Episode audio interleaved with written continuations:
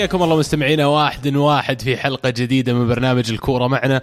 وصلنا 145 حلقة. يا سلام يا سلام. واليوم حلقتنا دسمة. حتى يعني يمكن, يمكن نضطر شوي نغير في آه، تقديمها عشان نقدر فعلا نضم جميع الأحداث.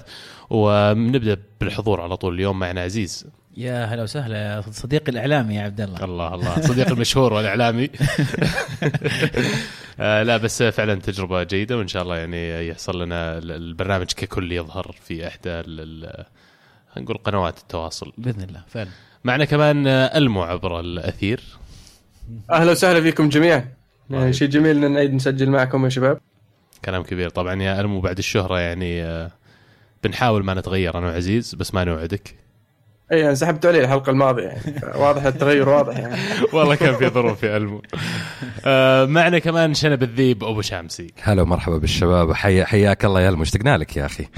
أهلا وسهلا إحنا أكثر أبو شامسي والله.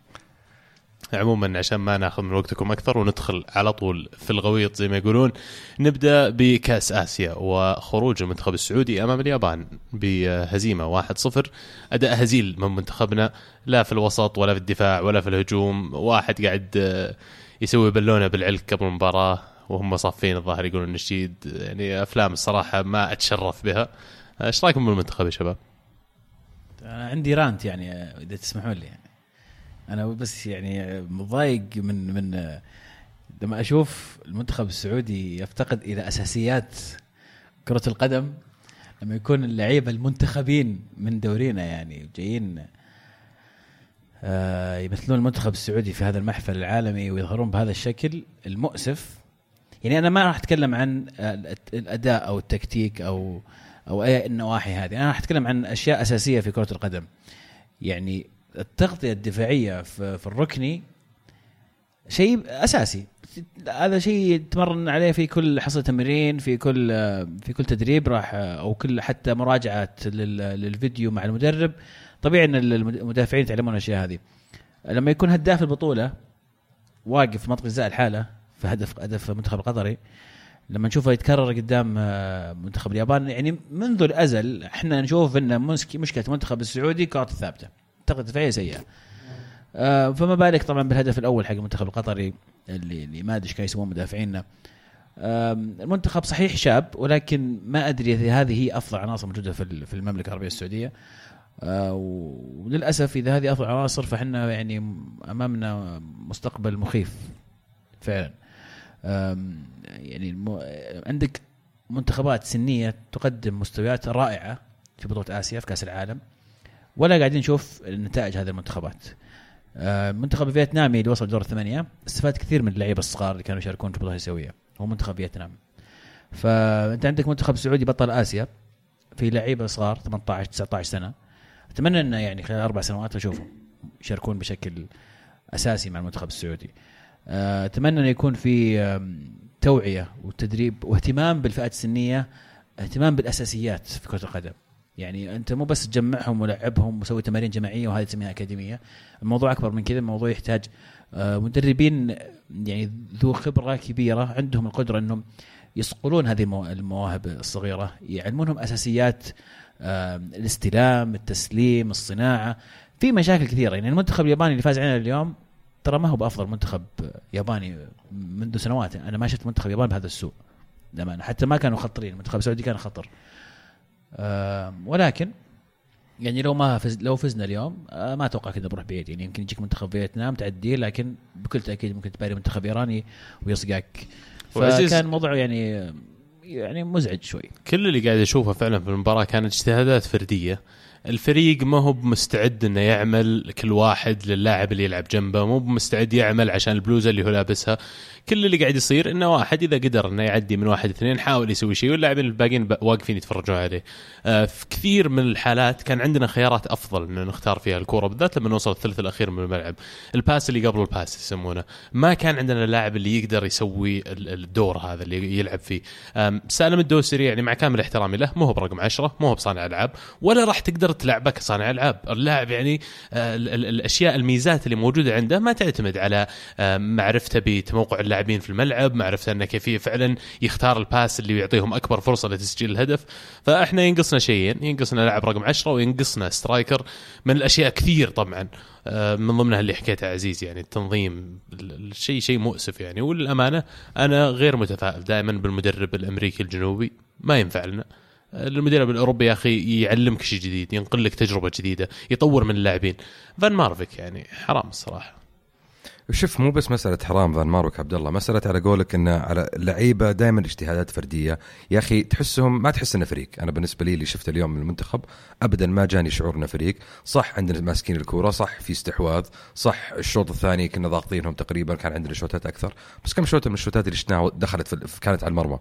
واحد الظاهر من عشرة أو اثنين من من عشرة.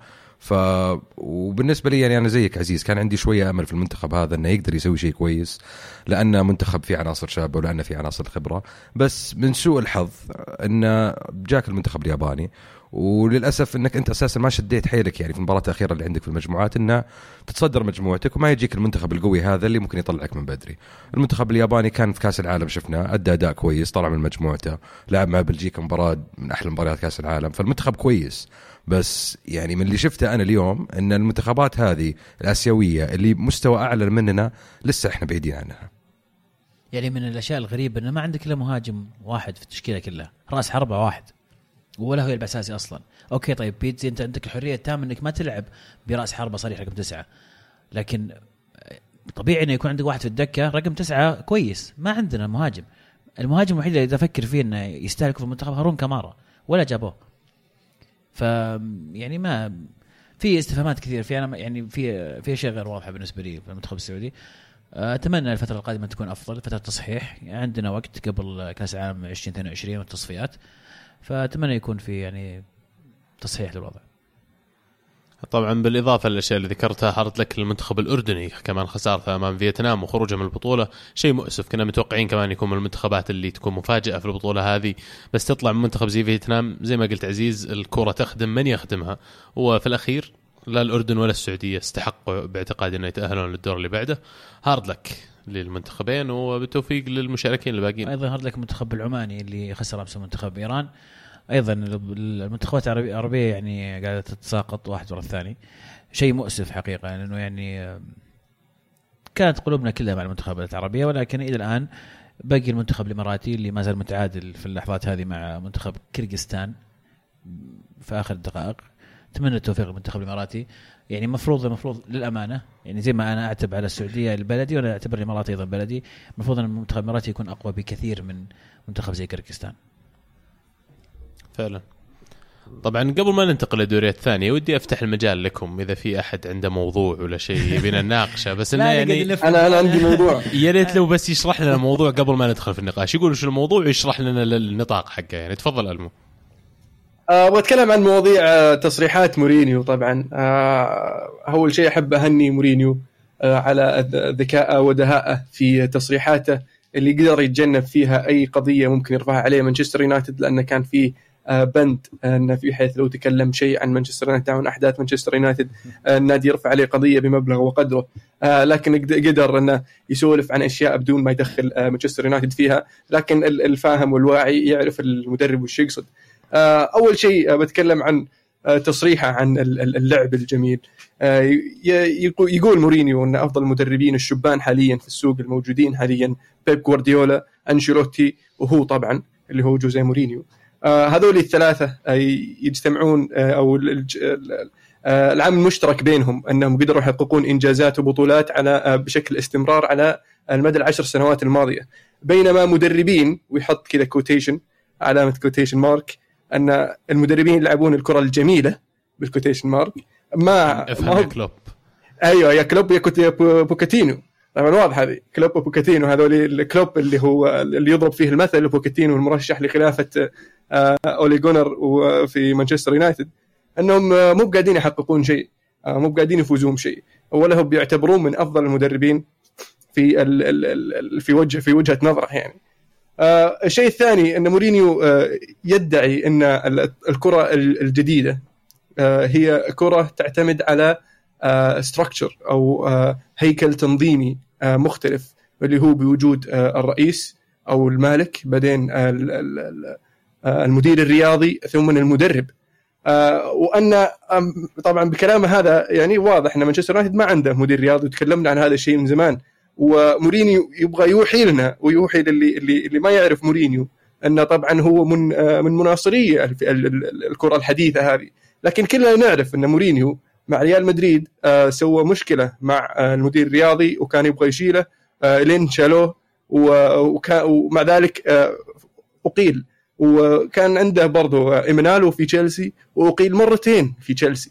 وفجاء في مانشستر يونايتد ما فيه ال ال ال هذا الشخص اللي هو المدير الرياضي. مع ذلك فشل وأقيل. آه، والنادي صرح أن أحد العوائق في عدم تعيين المدير الرياضي اللي هو خوسيه مورينيو. آه، فمورينيو ما زال حتى الآن يلف ويدور ويوجه آه، أصابع الاتهام. وطبعا هو ال- ال- البريء هو الشخص اللي عنده القدرات وما عنده أي مشاكل المشاكل في الناس كلهم بس مو فيه هو. آه، ويدعي ان أن حاليا ال- ال- ال- آه، ال- اللاعبين هم اللي عندهم القدرة هم عندهم القوة وليس المدرب لأنه ما قدر يحكم ال- اللاعبين اللي حوله في آه، ثلاث أندية. شفناهم مع ريال مدريد ومع تشيلسي آه، ومع مانشستر يونايتد. فيدعي أن المشكلة حاليا في كرة القدم كلها تغيرت وأن كرة القدم آه، المدرب ما له آه، ال- ال- القدرة على هذا على آه، أو القوة ال- الإدارية. لكن آه، آه، طبعا اللي يعرف واللي يشوف واللي يفتح عيونه آه، يعرف أن المشكلة في مورينيو وليس في الثلاث أندية اللي دربهم واقيل منهم أربع مرات.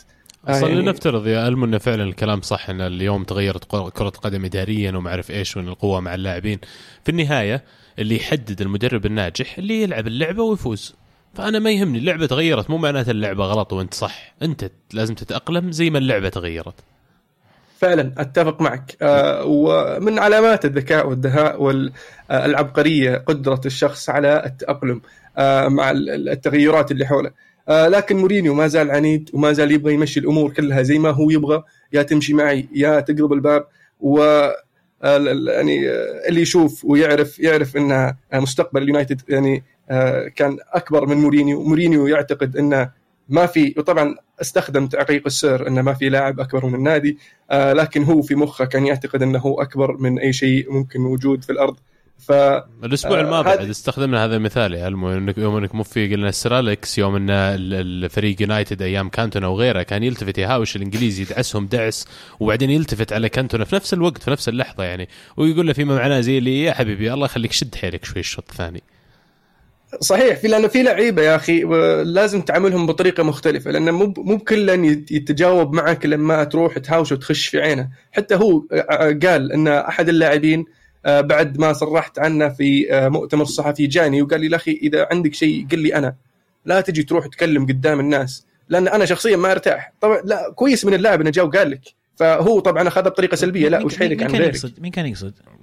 آه ما قالوا وصعب أقول لك لأن انتقد آه 17 لاعب لا، من بس في- 23 في لاعب. كم من واحد يعني ما أقدر أقول. لك من هو بالضبط. أنا أتخيل ممكن يكون أما لوك شو لأنه هو انتقد لوك شو مرة كثير. صح ما أو تصور بوجبا. أو مارشال لا لا, احتمال. لا أختلف. أنا أتوقع إنه واحد ايجو كبير عنده مرة. لاعب أو سوبر بوجبا، star هو بوجبا- لاعب super star ويمكن ما يكون حتى في مانشستر يونايتد. لاعب super star يمكن يمكن حتى رونالدو. ما استبعد كان رونالدو أيام مدريد.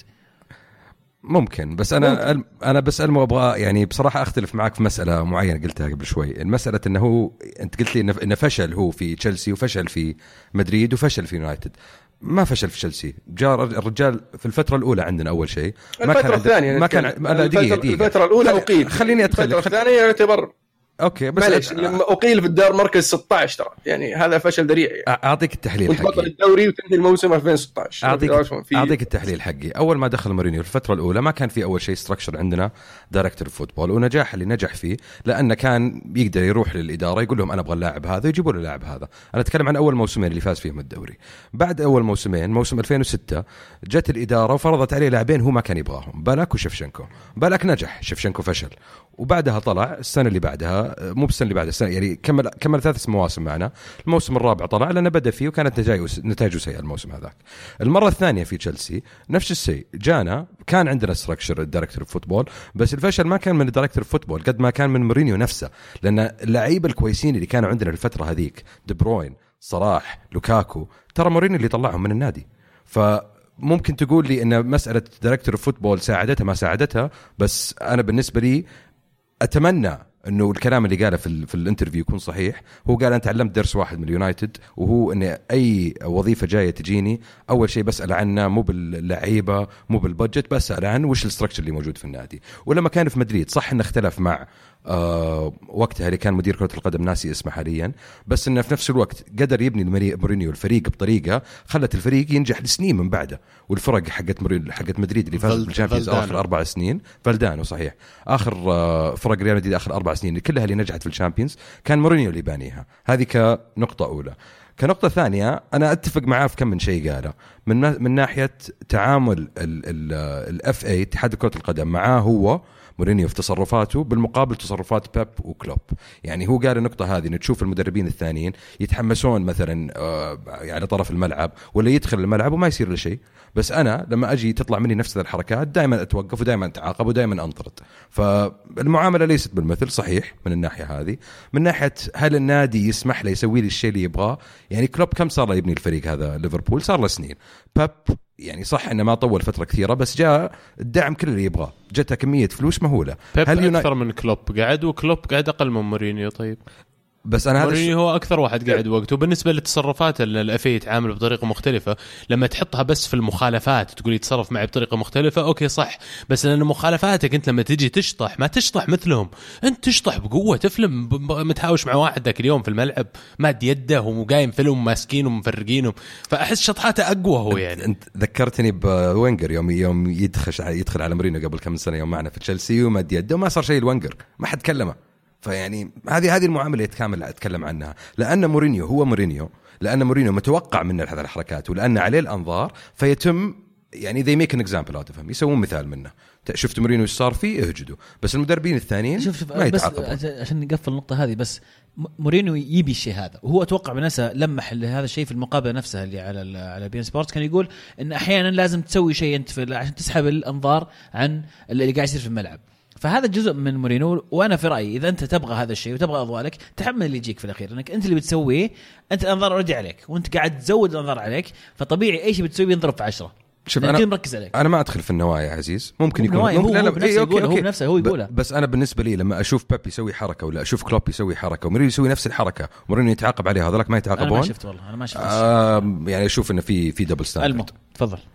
طيب تسمح لي أضيف لك نقطة. هو برضو تكلم عن هذا الشيء اللي ذكرته يا محمد إن كلوب وبيب جاهم الدعم وأي شيء يبغون يسوونه وعلى أساس إن مورينيو ما وقع مع 13 لاعب من جاء في سنتين ونص اللاعب المدرب وقع مع 13 لاعب دفع قرابة ال 400 مليون. ف لا تقنعني أن الدعم ما جاك بس في في صيف واحد صار في اختلاف بينك وبين الإدارة على التوجه اللي أنت تبغاه. تبغى تدفع لي 50 60 مليون على لاعب عمره 30 سنة و29 سنة ثم تقول لي لا ما جاني الدعم. فمورينيو قاعد يناقض نفسه وقاعد يلف ويدور يبغى يطلع نفسه من الفشل الذريع اللي سواه مع مانشستر يونايتد. فابغى أقول بس أن مورينيو بالتصريحات هذه آه، ما هو قاعد يطلع نفسه قاعد يطمح إنه يصير مدرب لأحد الأندية الكبيرة وقاعد يسوق لنفسه أنا راح أدرب في أحد أفضل الأندية. آه، إذا ريال مدريد فعلا جابوا مورينيو آه، فإنهم غلطانين جدا.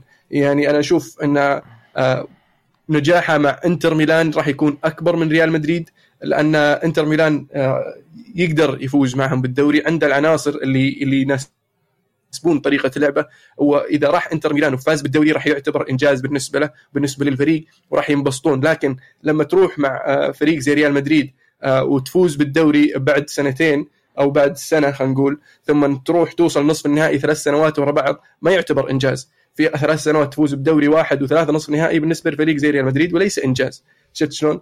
ثاني شيء ال ال ال آه مورينيو مع مانشستر يونايتد كان أختلف معك أنا أنا أشوف الانجاز بس ما حقدخل معك في النقطة أصبر أصبر أصبر خليني أخلص. آه, آه، طبعا قطعت السالفة. آه. عادي أضيف شيء المو.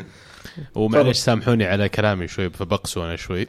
الحيوان الزبال اللي يسمي نفسه مخرج على بي ان سبورتس رقم 11 تحديدا اللي وأنا جالس أتفرج على مباراة أرسنال وتشيلسي قرر إن المباراة أقل أهمية أو تساوي أهمية كلام ال- ال- المسمى مورينيو هذا اللي يسمي نفسه مورينيو.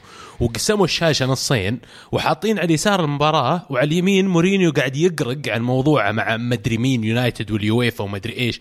يا عمي أنا مالي وماله أنا جاي أتفرج. أحط قناة حط رقم واحد.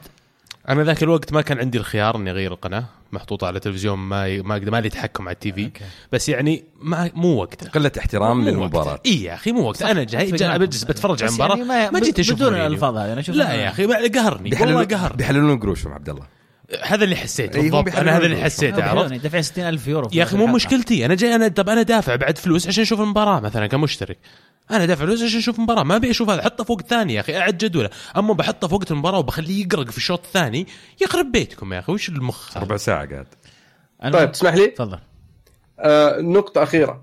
آه في فترته مع ريال مدريد آه على كلامي إنه ما كان ناجح. أنا وقتها كنت آه ألوم وأعتب على المدريديه اللي كانوا يقولون إن مورينيو ما سوى شيء ما نجح. وكنت أقول لهم كيف؟ ما هو فاز بالدوري خلاكم تعدون آه آه فترة ال 16 اللي هو عقدة دور ال 16 بعد ثلاث أربع مواسم. أنتم عارفين دور 16 وصلكم نصف نهائي ثلاث مرات. فاز بالدوري أمام برشلونة في فترة كان برشلونة أفضل أفضل فريق في العالم.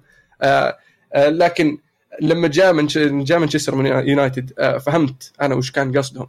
آه، فهمت ليش كانوا يقولون إنه آه، ما هو قاعد يلعب بالطريقة اللي اللي اللي المفروض ريال مدريد يلعب فيها مع إنه في هذاك الموسم هو الشيء اللي قاعد يعيده ويزيده إني سجلت أكثر أهداف وجبت عدد نقاط أكبر من أي فريق ثاني. فعلا. آه، لكنه كان بيلعب بطريقة آه، دفاعية ويعتمد على الهجمات المرتدة لأن عنده بنزيما ورونالدو وأوزيل ودي ماريا يساعدونا في ال- الهجمات المرتدة. فيقعد صاك ورا هجمه مرتدة يجيب جول ثم يرجع صاف ورا هجمه مرتدة يجيب جول.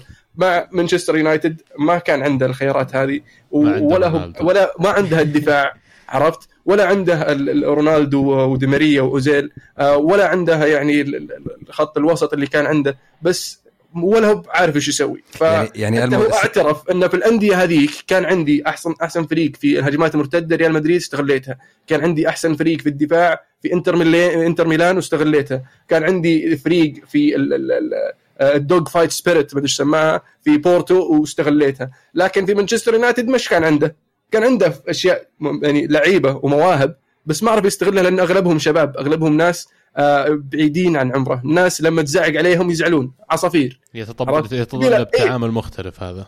أيوه يبي له واحد يفهمهم يعرف لهم. هذا يقول لا ولا تستخدم social media لا تصور انستغرام تعال اطلع برا. و... يا حبيبي روق. طيب يا أخي آه وخاصة يعني ترى يوم طلع المساعد حقه اللي هو إيش كان اسمه آه فاريا آه فلتت الأمور فلتت الأمور في مانشستر يونايتد. واضح إن فاريا هو اللي كان زي ما تكون زي ما تقول ال- الجسر بين مورينيو واللاعبين. إيه. آه لما هو يزعلهم هو آه، فاري يروح يهدي الأمور أساس إنه يخلي المو- الموضوع متقارب. فراح هذا وفلتت الأمور معه ولا عرف يسيطر عليها ولا عرف يسيطر على نفسه. بس أنا أحب أشكر منيو على شغلة واحدة بصراحة. أكد لنا سالفة سلة الغسيل. السالفة هذه كانت شهيرة وكنا من زمان نسمع عنها. آه، اللي ما يعرف السالفة كانت طالعة إنه مورينيو آه، في ال Champions League مع تشيلسي في موسم 2004 2005 تخبى في غرفة الملابس ودخلها عن طريق سلة غسيل. لأنه كان ممنوع. لأنه كان ممنوع انه جاء طرد في المباراة اللي قبلها ضد برشلونة. آه، جاء طرد وكان طرد من الملعب فمفروض إنه ما يكون في الملعب. فيقول لك آه، رحت الملعب ودخلت غرفة الملابس من بدري وأبغى أشوف اللعيبة أحتاج أشوف اللعيبة ضروري أشوف اللعيبة. فلعب المباراة وبعد ما خلصت المباراة استوعبت إنه المفروض إني ما أكون موجود هنا. فحاولت إني ألقى طريقة أطلع منها يقول لك جاء اللي هو الشخص المسؤول عن غسيل اللعيبة دخل في سلة الغسيل وهرب من الملعب. فيقول لك أنا طالع من الملعب حقيني ويفا يفتشون عني. فهذا يدلك بصراحة على حرص المدرب أنه يكون ويشجع فريقه هذا بالنسبة لي المدرب في وقتها كان يعني لا يعلى عنه وخرق القوانين بعد يا أبو شامسي ما حد يدري ما حد درى يا أبو عابد ما حد درى صار ثم تقول لي ليش يعاملوني السالفة صار لها؟ السالفة صار لها 13 سنة أتوقع عادي يعني عموما آه، قد تكون السالفة أصلا من من من الكيس. نسج الخيال واخترعها مورينيو ممكن. عشان ثانية. 60000 إيه. إيه طبيعي آه، طيب، عندكم سالفة ثانية؟ أنا قلنا من في موضوع ثاني جميل وشيق بصراحة. اللي هو موضوع آه، آه، المدرب الأرجنتيني بيلسا مدرب نادي ليدز يونايتد. آه، قبل مباراته في في ال Championship ضد ديربي كاونتي. ديربي كاونتي في المركز السادس وليدز يونايتد في المركز الأول. قبل المباراة بيوم اكتشفوا مدربين عفوا اللي يشتغلون في في نادي ديربي كاونتي انه في واحد واقف بعيد وماسك دربيل قاعد يتفرج على التدريبات. لعلهم بلغوا عليه وجو قشوه وطلع أن بيلسا راسل واحد يشوف التدريبات. سألوه بيلسا قال إيه أنا رسلت واحد يشوف التدريبات مو بأول مرة أسويها وكل فريق لعبنا ضده رسلت واحد يشوفها. فوش المشكلة؟ طبعا الإنجليز ما تعودوا على هذا الشيء ضحكني ضحكني كلام هذا يوم جو قالوا له أنت مت- متجسس ما أدري إيش. قال لي أصبر تعال خليني أختصر لكم السالفة. غير شفت اللي لعبنا معهم غير كلهم لاعب. كلهم هذا متجسس عليهم ترى عشان عشان أخلص الموضوع من بدري إيه يقول لا تلومونه الرجال أنا اللي راسلة يعني المشكلة عندي أنا ف آه هم لاموا الرجال ها اي لما مسكوه مسكوه جو تلوه من هناك من عند ال- ال- قاعد مش اسمه بعدين آه، طلعوا. بيان اعتذار صح؟ لا لا إيه. ما طلعوا اعتذار البدايه ليدز طلعوا بيان اعتذار قالوا إنه إحنا نتكلم مع المدرب وإنه هذه مو ما هي من اخلاق أخلاق آه، نادي ليدز ويعني ما ما نسوي الاشياء هذه قام الرجال قال بسوي لكم مؤتمر صحفي. أنا عندي مؤتمر صحفي. في البداية الناس إيش قالوا؟ قالوا بس هذا بيستقيل لأنه معروف بي- بيلسا رجل يعني منفعل. داوم مع لاتسيو يومين واستقال ف- فيعني هذه حركاته. سوى المؤتمر الصحفي المو.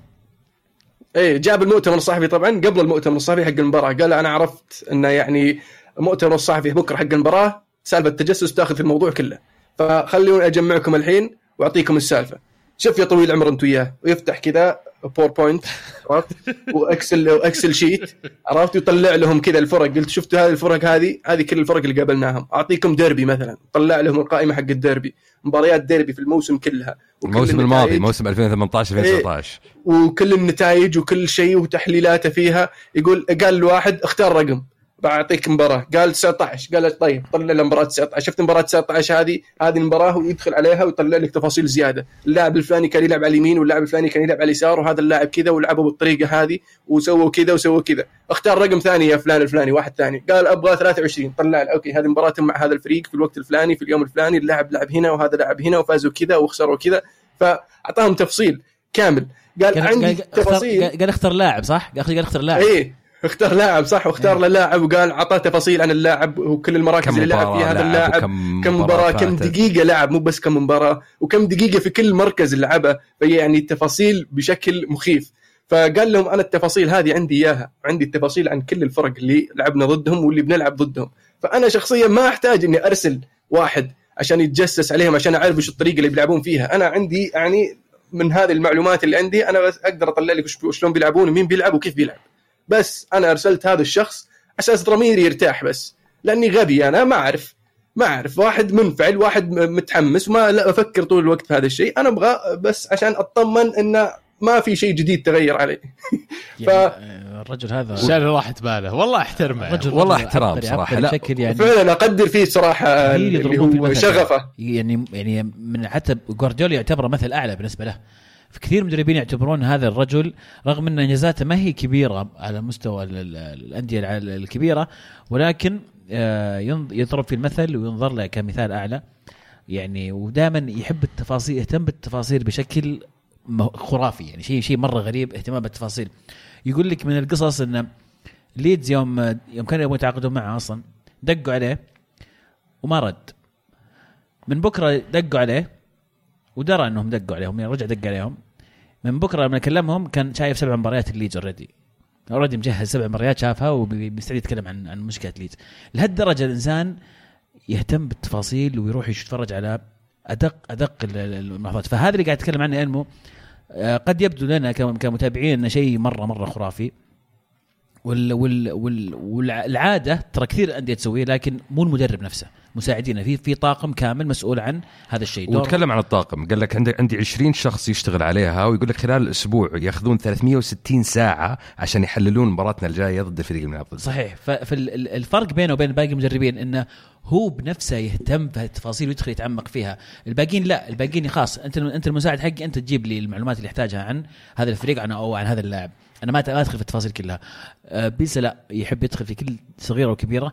لذلك كان أتوقع إنه كان مؤتمر فعلا. خرافي ويا بخت الاعلاميين اللي كانوا موجودين في المؤتمر صراحة. ولا والحلو كمان إن عزيز إنه غير التفاصيل اللي أعطاك إياها طلع لك spreadsheet Excel قال لك شايف هذه كل التشكيلات اللي لعبوا ضدها ديربي وأنا أقدر أقول لك الحين إيش هي أفضل تشكيلة ممكن أنا ألعب فيها ضد ديربي بناء على هذه.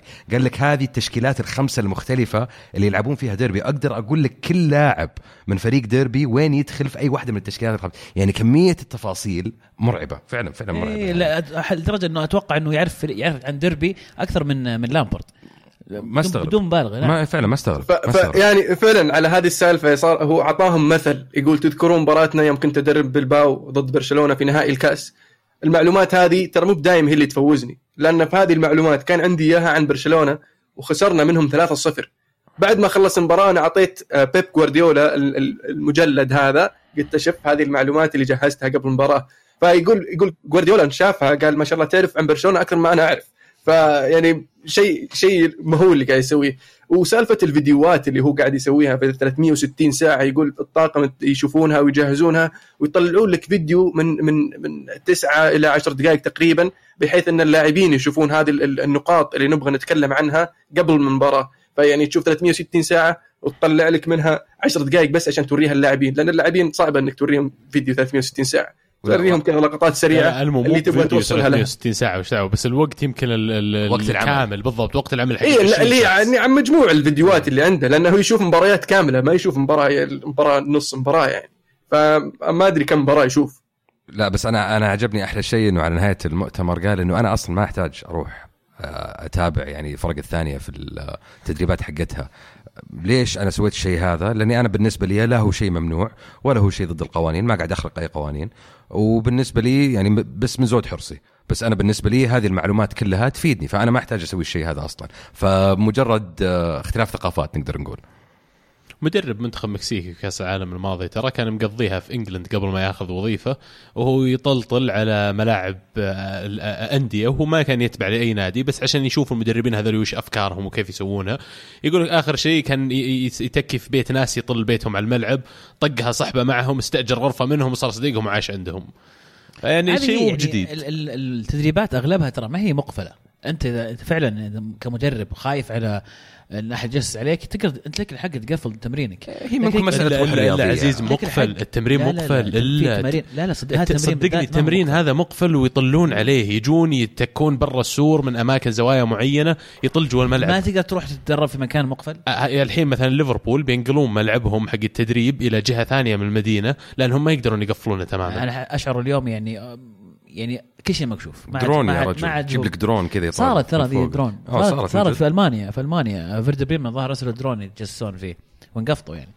فما أدري أشعر إنه خلاص ما عاد هو الموضوع صار دقيقة لا يكون حاطين اللوجو عليه عشان كذا نقفله ممكن. بس عموما أنا شخصيا أنا ما أشوف إن اللي سواه فيه شيء غلط وكأنهم أفلموا شوي. طيب مرسل واحد يشوفه okay يعني يمكن ما لك داعي بس إنه لا بس شوف شوف فرق ال- ال- ال- التجاوب مع القصة. يقول لك في في مباراة قبل مباراة سمبدوريا جنوا في الدوري الإيطالي قبل كم سنة آه، ناس الظاهر جنوا أرسلوا أحد أو سمبدوريا أرسلوا أحد واللي يعني كان متخبي في الشجر لدرجة إنه لابس كاموفلاج لابس تمويه ملابس تمويه ذي حقت الجيش وانقفض وعلى طول مين اللي اكلها؟ ال- اللي رايح يتجسس. ما حد ثاني أكلها. هنا النادي على طول طلع بيان واعتذر وأخذ مسؤولية في الموضوع. فيعني في فرق في ال- في التصرفات. ثقافة الثقافه سؤالي ثاني بعد لو لامبارد اللي مسويها لامبارد اللي مسويها على بيلسا توقع ردة فعل الصحافة الإنجليزية بتصير نفسها؟ شوف ما أتوقع إن لامبارد يسويها لأن ب-. اللي فهمته من الإنجليز ان إن هذا الشيء عادة غير آه، مرغوب فيها عندهم وانه شيء يعتبر يعني عرفت عرفت اللي يقول لك honor among thieves عرفت؟ فما ما ما آه، ما يستخدمون هذا الشيء. والإنجليز في في تحليلاتهم سمعت ت- آراء ناس مختلفين. آه، ناس يقول لك المفروض إن يعاقب آه، بيلسا يعاقب بمبلغ وقدره. ناس يقول لك المفروض آه، آه، بيلسا يتوقف. في ناس يقول لك المفروض ليدز يخصم منه نقاط لأنه والله آه، قاعد يتجسس على فرق ثانية. فما هم متقبلين هذا الشيء آه، هم نفسهم لكن إذا صارت وسواها آه، لاعب مدرب إنجليزي أتوقع ردة الفعل تصير أقل بكثير من اللي شفناه يا رجال صحافة فاضية وتدور بس أي شيء تكتبه بس والله ما قصر يعني أعطانا أعطانا شيء نتحدث فيه. ولا واللي ورانا إياه يعني بصراحة يخلي أي واحد ممكن يفكر يدخل في التدريب إنه يعرف وش المستوى اللي لازم يرتقي له يعني تتوقعون جماعتنا في ال... لا لا لا, لا ممكن ما. ممكن أصلا ما نفتح الموضوع هذا إيه، أصلا لأن هذا هو يعني. رجاء ممكن. نتكلم الموضوع. هذا فعلا وبما أننا ما راح نفتح الموضوع ننتقل ونشقر سريع على الدوري الأسباني. في الدوري الأسباني برشلونة فازوا يا طويل العمر ثلاثة صفر ثلاثة واحد واحد فازوا ثلاثة واحد آه، في مباراة أبدع فيها أوسمان ديمبيلي وميسي اللي نزل آه، من الدكة. فازوا طبعا على ليغانيس في الكامب نو. أوسمان ديمبيلي انتقدناه كثير وقلنا إنه يجي منه. في المباراة هذه قد تكون أفضل مباراة لعبها في قميص برشلونة؟ للأسف خرج مصاب. يعني okay صح للأسف. في نهاية الموضوع هذا كله للأسف يعني يعني يمكن ما نكون نستفاد من هذا ال- ال- ال boost اللي جاية في في المستوى. قاعد أتناقش مع واحد عاد يتكلم لي عن موضوع النقص اللي موجود في برشلونة من ناحية هجومية يعني يقول ما عندهم بديل لسواريز في حال قرروا يريحونه ولا إنه صار مصاب ولا أي شيء. فأنا قلت له وجهة نظري الشخصية أن فالفيردي الخطط اللي قاعد يجربها خلال الموسم ونص الماضيه من ضمنها 4 4 2 اللي كان يلعب فيها اللي هي أربعة في خط الوسط على شكل خط ومهاجمين اثنين تخليه مو بلازم يلعب بسواريز المهاجمين الاثنين هذول ممكن يكونون ميسي وديمبيلي مثلا.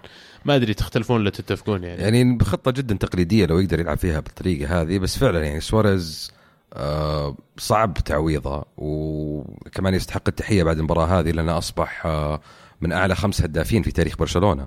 فان لاعب زي كذا يقدر يوصل للمرحلة هذه أعلى خمس هدافين وكم صار في برشلونة؟ ما صار له فترة طويلة يعني تتكلم عن أربع سنين.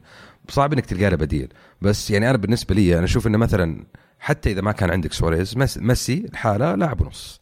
فتحط لي ميسي قدام مع بس, ديمبلي. بس نص زيادة؟ يعني لاعبين ونص إذا تبي يعني. بس إيه، انه لاعب ونص. بس عشان أوريك إنه ما هو مجرد لاعب واحد يعني. معك. ناخذ مشاركة من الهاشتاج يمكن تنقلنا للموضوع مهم اللي بنتكلم عنه. آه، هلا مدريد يقول الاتحاد الإسباني يرفض شكوى ليفانتي ضد برشلونة في سنة سابقة صارت نفس القصة مع ريال مدريد واللاعب تشيريشيف تم إقصاء الريال من البطولة. تحيز واضح لبرشلونة في السنوات الأخيرة من قبل الاتحاد الإسباني. ألمو وش السالفة؟ آه، السالفة يا طويل العمر إن اللاعب اللي لعبوه ما يحضرني اسمه كان آه، معار و وكان آه، عليه بطاقات صفراء أو إنه كان مطرود. الزبدة كان موقوف المفروض إنه ما يلعب. مباراه كاس مباراه آه، كاس لكن ذهاب. إيه وجاء برشلونة ولعبوه و- وأشتكوا آه، ال- الفريق. كان هو ليفانتي ظهر صح؟ اي ليفانتي. اي فأشتكوا ليفانتي. وطبعا كان طلع كلام كثير من البرشلونيين إن القوانين تغيرت ما عاد صار زي أول و... ولا وان لأنه آه، لعب في بطولة ما أدري وش في الدرجة الثانية فما يدخل إلا في البطولة الدرجة الثانية. وإذا كاس يلعب يتوقف في الكاس وإذا دوري يتوقف في الدوري. يعني كان ودي أصدقهم صراحة. لكن الاتحاد الإسباني طلع آه، برفضه لاحتجاج ليفانتي. بداعي أن احتجاج ليفانتي جاء متأخر. ف يعني أبى أسألك سؤال. لو صار الموضوع بالعكس لو أن ليفانتي اللي ملاعبين لاعب بالغلط وبرشلونة اشتكوا هل بيجي يقول لك يا برشلونة والله اشتكيتوا متأخر؟ أتوقع برشلونة بيشتكون على الوقت صح، أنا ب- صح. شيء رائعة بوضح شيء. بوضح شيء أنا أنا أنا اللي فهمته من ال- ال- اللي صار المشكلة اللي فهمته إنه اللاعب لعب في مباراة الذهاب وبعدها بأسبوع أقيمت مباراة الإياب وخسر ليفانتي مجموع مباراتين بعد مباراة الإياب اشتكى ليفانتي كان عنده فرصة إنه يشتكي بعد المباراة الأولى اللي حدثت فيها المشكلة فهذا يرجعنا للنقطة إنه كم هل كان لازم ان ليفانتي يشتكون في في وقت في وقت المباراة؟ هل في أصلا محدد وقت معين للشكوى من بعد مثلا عندك ثلاث أيام. أنا اللي أعرف انه مثلا بعد المباراة عندك ثلاث أيام تشتكي فيها صار شيء. بعدها خلاص ما لنا شغل فيك. هذا يجيب لنا الموضوع اللي دائما تسمع في الدوري السعودي اللي هو رفض الاحتجاج شكلا وقبوله موضوعا وما أدري إيش. فهي شيئين ال- في أي شكوى فيها جانبين جانب الشكل وجانب الموضوع.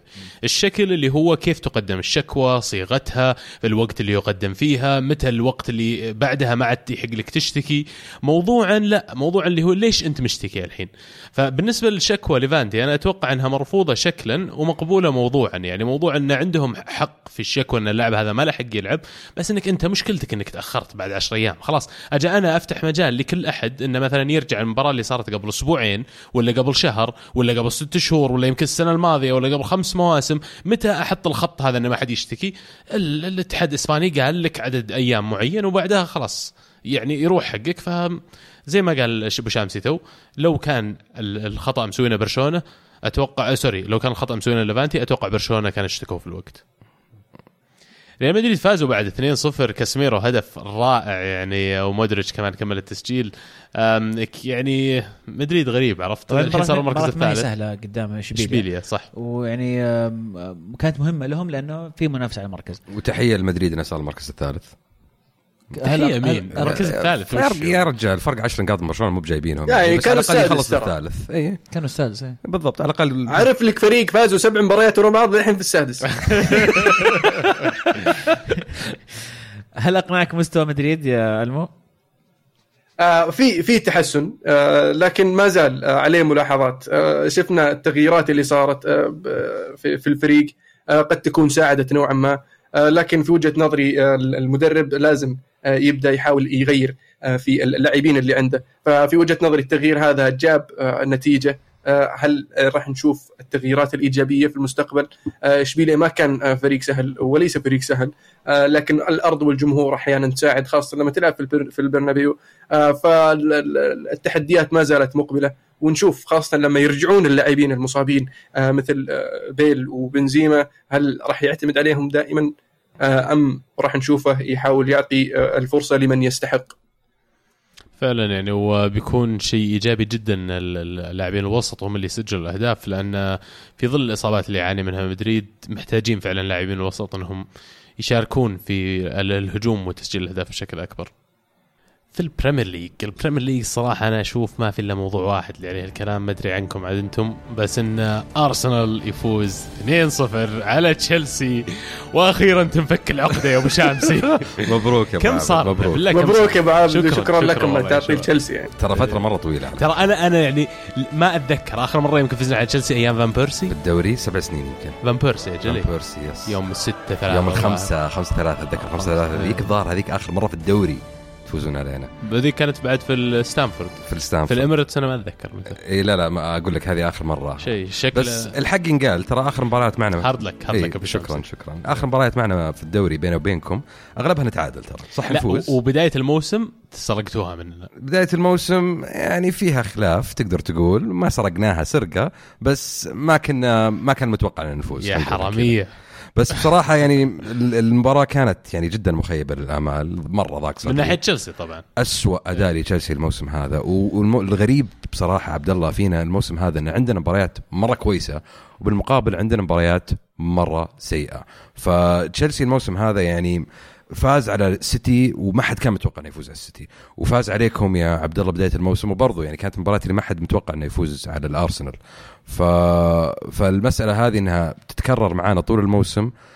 تتكرر مع تشيلسي طول الموسم صعبة بصراحة. أنا بختصر لك إياها أبو شمس. يعني أنا بالنسبة لي المباراة كانت الموضوع العريض والأساسي اللي هو ساري بول وكيف توقف تشيلسي من لعب كرتهم. لأنه معروف أن أوناي أمري الشكل اللي يلعب فيه الفريق والتكتيك اللي يلعب فيه الفريق يعتمد بشكل أساسي على قاعد يلعب ضد مين واللي ضده كيف قاعد يلعب. ما هو. من المدربين اللي يقول أنا عندي هوية وبلعب فيها بغض عكس النظر. ساري تماما. بالضبط. فبالنسبة لساري عنده موضوع جورجينيو اللي يعني ينتقدون الإنجليز كثير. أنا ما أتفق مع الإنجليز على فكرة أنا أشوف إنه لاعب رائع.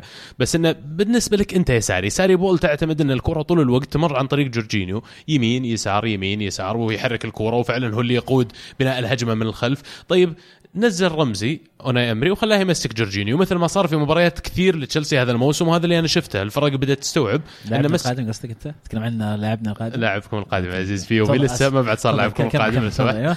بس فعلا استعان برمزي بدت بدت من. توتنهام بدت. من توت بدت من توتنهام صح بوكيتينو هو المدرب أنا دائما أقول العادة اللي يوري الفرق كيف يهزمون المدرب اللي مكسر الدنيا في ال- في البريمير ليج فعموما حط آه، لعب بأسلوب غريب جدا اوناي إيمري أول مرة أشوف أرسنال يلعبون بالطريقة هذه 4 4 2 diamond يسمونه diamond diamond أي. والغريب إن ال- المهاجمين اوباميانج ولاكازيت كانوا ماسكين الأظهرة فالأظهرة حق تشيلسي ما تقدر تتقدم وفي نفس الوقت اللعب مفتوح في ملعب تشيلسي. ولا هو مطلوب من المهاجمين الاثنين اللي تكلمت عنهم بناء هجمة ولا ارجع خذ الكرة من ورا انت أبيك تتكي عند الظهير أنا أبيه ما يتحرك من هنا. بالضبط، وانت بالضبط. يا رمزي أبيك تتكي عند جورجينيو أبيه ما يمسك كرة أبد.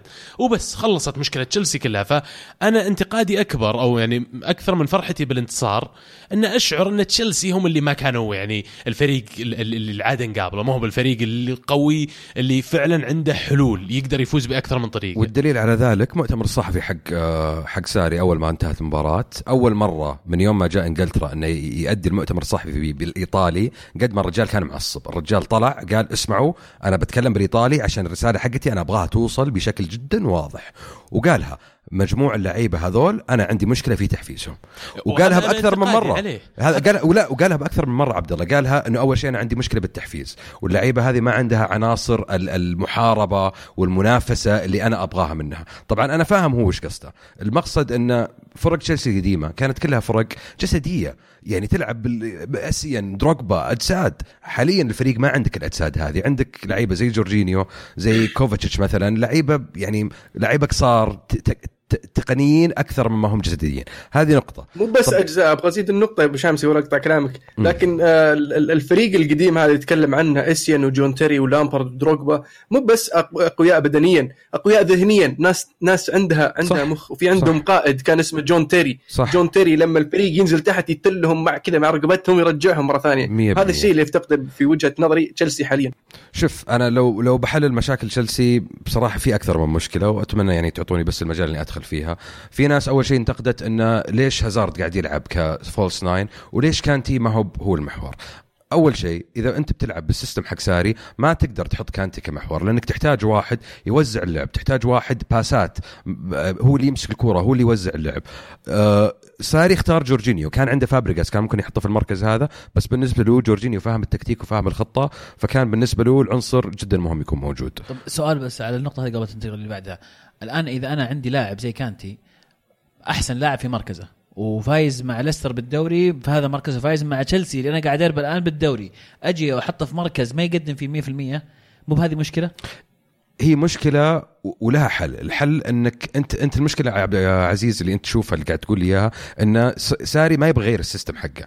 ساري طول عمره يلعب بالأربعة ثلاثة ثلاثة هذه. صار له سنين طويلة هو يلعب فيها. من قبل ما يروح نابولي هو يلعب فيها. فالأربعة ثلاثة هذه جدا ال- الساري وصعب إنك تحط كانتي في الموقع هذا. كانتي ما عنده ال ال الوعي ال ولا عنده ال skills حقت ال passing اللي يحتاجها عشان يكون في الموقع هذا. كانتي حاليا اداءه كويس. صح ما هو ب 100% بس إنه كل ما لا يتحسن كل مباراة قاعد يتحسن يتحسن. آه نفس الشيء يعني مثلا نفس المسألة على هازارد. هازارد لما تحط لي إياه كمهاجم ك false nine ما قاعد تستفيد منه 100% بس للأسف ما عنده بدائل. يعني جيرود يا أخي كويس جيرود بس إنه جيرود بطيء يا أخي وجيرود ثقيل وجيرود ما يسجل. ومراته ما أدري وش صاير معاه بصراحة من الموسم الماضي. آه الثقة طايرة والمستوى طاير و... فما عنده حلول الرجال. ممكن يكون لو يحط بيدرو مكان هازارد في النص هذه يكون أفضل. يصير بيدرو مثلا يقدر يلعب الدور حق ميرتنز اللي كان يلعبه أيام نابولي من قبل. فهو أتوقع هذا اللي قاعد يحاول يسويه مع هازارد. وعندي عندي انتقاد أبو شامس معلش المؤتمر الصحفي تحديدا. ساري من أول ما جاء تشيلسي وأنا عاجبني اللي قاعد يقدمه مع تشيلسي من ناحية مو من ناحية خلينا نقول ساري بول لا من ناحية إنه كيف قاعد يتعامل مع موضوع تشيلسي من لاعبين من إدارة من صحافة. فحسيت إنه واحد ناضج. ممكن إنه يصير كلوب ثاني في الدوري ممكن يصير واحد فعلا عنده شخصية لكن طلعتك في المؤتمر الصحفي وتقول إن اللاعبين ما عندهم شيء يحفزهم وأنا ماني بعرف شلون أتعامل معهم ولا غيره معلش لا تلوم اللاعبين. أنت اللي حاط ال system وأنت اللي من المباراة الأولى اللي تشيلسي قاعد يلعبها في الدوري إلى اليوم قاعد تلعب بنفس ال system ولا رضيت ولا تغير منه شيء. وبعدين تجي- على اللاعبين أنا بالنسبة لي هذا غير مقبول. أنا ما عندي انتقاد على ال system عبد الله. أنا عندي انتقاد على نقاط أخرى بس ال system أنا ما عندي مشكلة فيه. أنا اللي عندي فيه مشكلة فيه إن المشكلة هذه اللي صارت معنا في المباراة هذه مع تشيلسي مو بأول مرة تصير الموسم هذا. المشكلة إنها صارت في بداية المباراة وأرسنال كان مصحصح ومستعد إنه يقبض علينا. يعني أول ربع ساعة لعبها تشيلسي في المباراة هذه ما كانوا موجودين في الجيم أصلا ما كانوا موجودين. بس المشكلة إن اللعيبة يطفون ولا يفصلون ولا ما عندهم مركزين في ال في ال في ال في ال في, ال في الخطة صارت معنا ترى كل الشهور الماضية قاعد تصير. بس اللهم تصير في أوقات مختلفة من المباراة. ف شوف أنا مشكلتي مشكلتي مع ساري لو بتسألني مش مشكلتك أنا مشكلتي إنه ما يغير لعيبة. نفس التشكيلة مباراة مع مباراة. يا أخي عندك لعيبة ما شفناهم الموسم هذا. يعني أنت توك توك شاري ظهير امرسون يا أخي. آه ألونسو.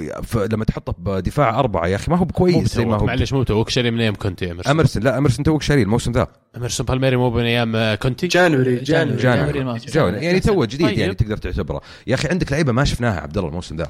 صح ما أقول لك إن لعيبة كويسة ولا رهيبة بس يعني درينك ووتر مثلا جرب احطه في الموقع هذا شوف إيش يسوي. آه موسز يا أخي جرب أحطه حطه كجناح شوف إيش يسوي. غير اللعيبة الصغار أصلا. عندنا مشكلة حاليا مع اللعيبة. الصغار. المدرب يعرف اللاعبين شو يعني يتمرن معاهم بس هذه. هذه هذه المشكلة معاه ترى من قبل يا عبد الله. مشكلة ساري من أيام نابولي. صحح لي عزيز لو كنت غلطان ما يحب يغير في اللعيبة. عنده خطة ثابتة 13 11 لاعب. اي عندي عندي 11 لاعب هذه ال 11 لاعب حقتي. فممكن في في نابولي كانت إنه ما عنده. في تشيلسي أتوقع مو هذه هي. فهذه هي. مساله مس مسألة ال motivation ممكن يا أخي. طلع لي ألونسو اكرش ثلاث أربع مباريات ممكن يصحصح الرجال ويبدأ يلعب زي العالم الناس مثلا يعني. بس هذا أعطيك أضيف كمثال نقطة بس يا عبد الله على كلامك يعني. آه مشكلته أنه ما عرف يحفز اللاعبين لكن هذه المشكلة موجودة في نفس اللاعبين مع ثلاث مدربين مع مورينيو شفناها في الموسم الثاني مع كونتي شفناها في الموسم الثاني وحاليا قاعدين نشوفها مع ساري. صح. فالمشكلة يعني ما أتوقع إنه في في في ساري طريقة تحفيزه. آه ممكن يكون ساري ما عنده آه الطرق اللي عند مورينيو و, و, و وكونتي اللي قدروا يستغلون الموسم الأول هذا وينتشرون الفريق ويحققون اللقب. آه لكن واجهوا كلهم نفس المشكلة مع نفس اللاعبين. آه ال- ال- وبعدين يطلع كلام ال- الراتس الناس اللي آه اللي يصفون على ضد المدرب يبدون يطلعون عليه كلام ويبدأ. فنفس اللاعبين هذولي قاعدين يسوون نفس المشاكل مع مع ثلاث مدربين مختلفين. هذه أتوقع الاختلاف المشكلة يعني. في ساري برضه هذه نقطة الاختلاف. إن أنت قلت لي إن المشكلة هذه صارت مع ثلاث مدربين. صح طلع موري طلع مورينيو بعد ما فاز الدوري وانتقد اللعيبة بشكل كبير وقال أنا ما عندي أنا عندي مشكلة في التحفيز.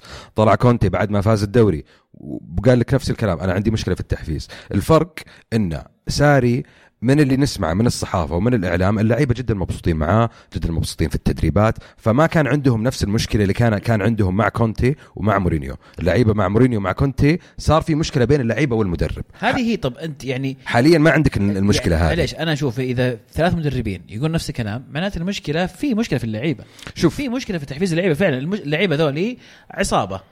متى ما ما عجبنا الوضع ولا ما ال- الوضع بنقلب عليه. بنجيب العيد. بدل ما نعطي 100% ولا 110% بنعطي أقل 80 90 لا شعوريا ممكن ما يكون متعمد اللاعب. أصلا عشان اللاعب يقدم 100% لازم يكون عنده عنده القوة وال- والطموح إنه يعطي أكثر من اللي يقدر عليه.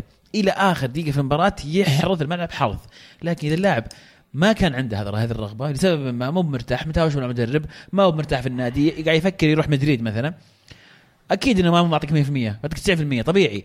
فلما يجي ثلاث مدربين وكلهم نفس الكلام لا أنا أعتقد إنه فعلا في مشكلة في اللعيبة. بس انظ- انظر المباراه عزيز المباراة متى خسرناها؟ خسرناها في أول نص ساعة ترى. في أول نص ساعة أول بدل 10 دقائق. أول عشر دقائق بعد إذا تبي. أول عشر دقائق بدينا ال game غلط إحنا بدينا ال game غلط. طب هو بدينا يتكلم عن مباراة اليوم؟ لا أنا اتكلم أنا أتكلم عن مباراة اليوم. أنا أتك- إحنا بدينا ال game غلط. اليوم ابو شامسي الأول 10 دقائق صدق ذكرتني وأنا قاعد أشوف تشيلسي ذكرني بأرسنال الأول يعني لابد شرس- الشعور شرس، كان لا، لا. ذاك الوقت زي يعني أرسنال كان شرس فعلا أول لا لا أتكلم أقول. تشيلسي شكله زي لما كنتوا تلعبون ضدنا أول كان زي أرسنال الأول ال- اللي ال- يبدأ مو. بعارف شو السالفة ومو بعارفين شلون بيلعبون صح، صح. يعني معلش والشوط الثاني كنا ما كنا سيئين في الشوط الثاني بس ما كان عندنا الاختراق اللي كنا نحتاجه عشان نقدر نوصل مرة للمرمى ثانية آخر 10 دقائق ما كنتوا سيئين آخر 10 دقائق لا يعني والله مو. آخر- الشوط الثاني كله بصراحة كنا كويسين. الشوط الثاني كله تشيلسي كان كويس أنا بالنسبة لي. طبعاً. بس شوف أنا بس عشان أقفل لك الموضوع واحدة واحد من أكبر المسا... المشاكل اللي يعانيها تشيلسي حاليا إنه ما عندك قادة في الفريق هذا.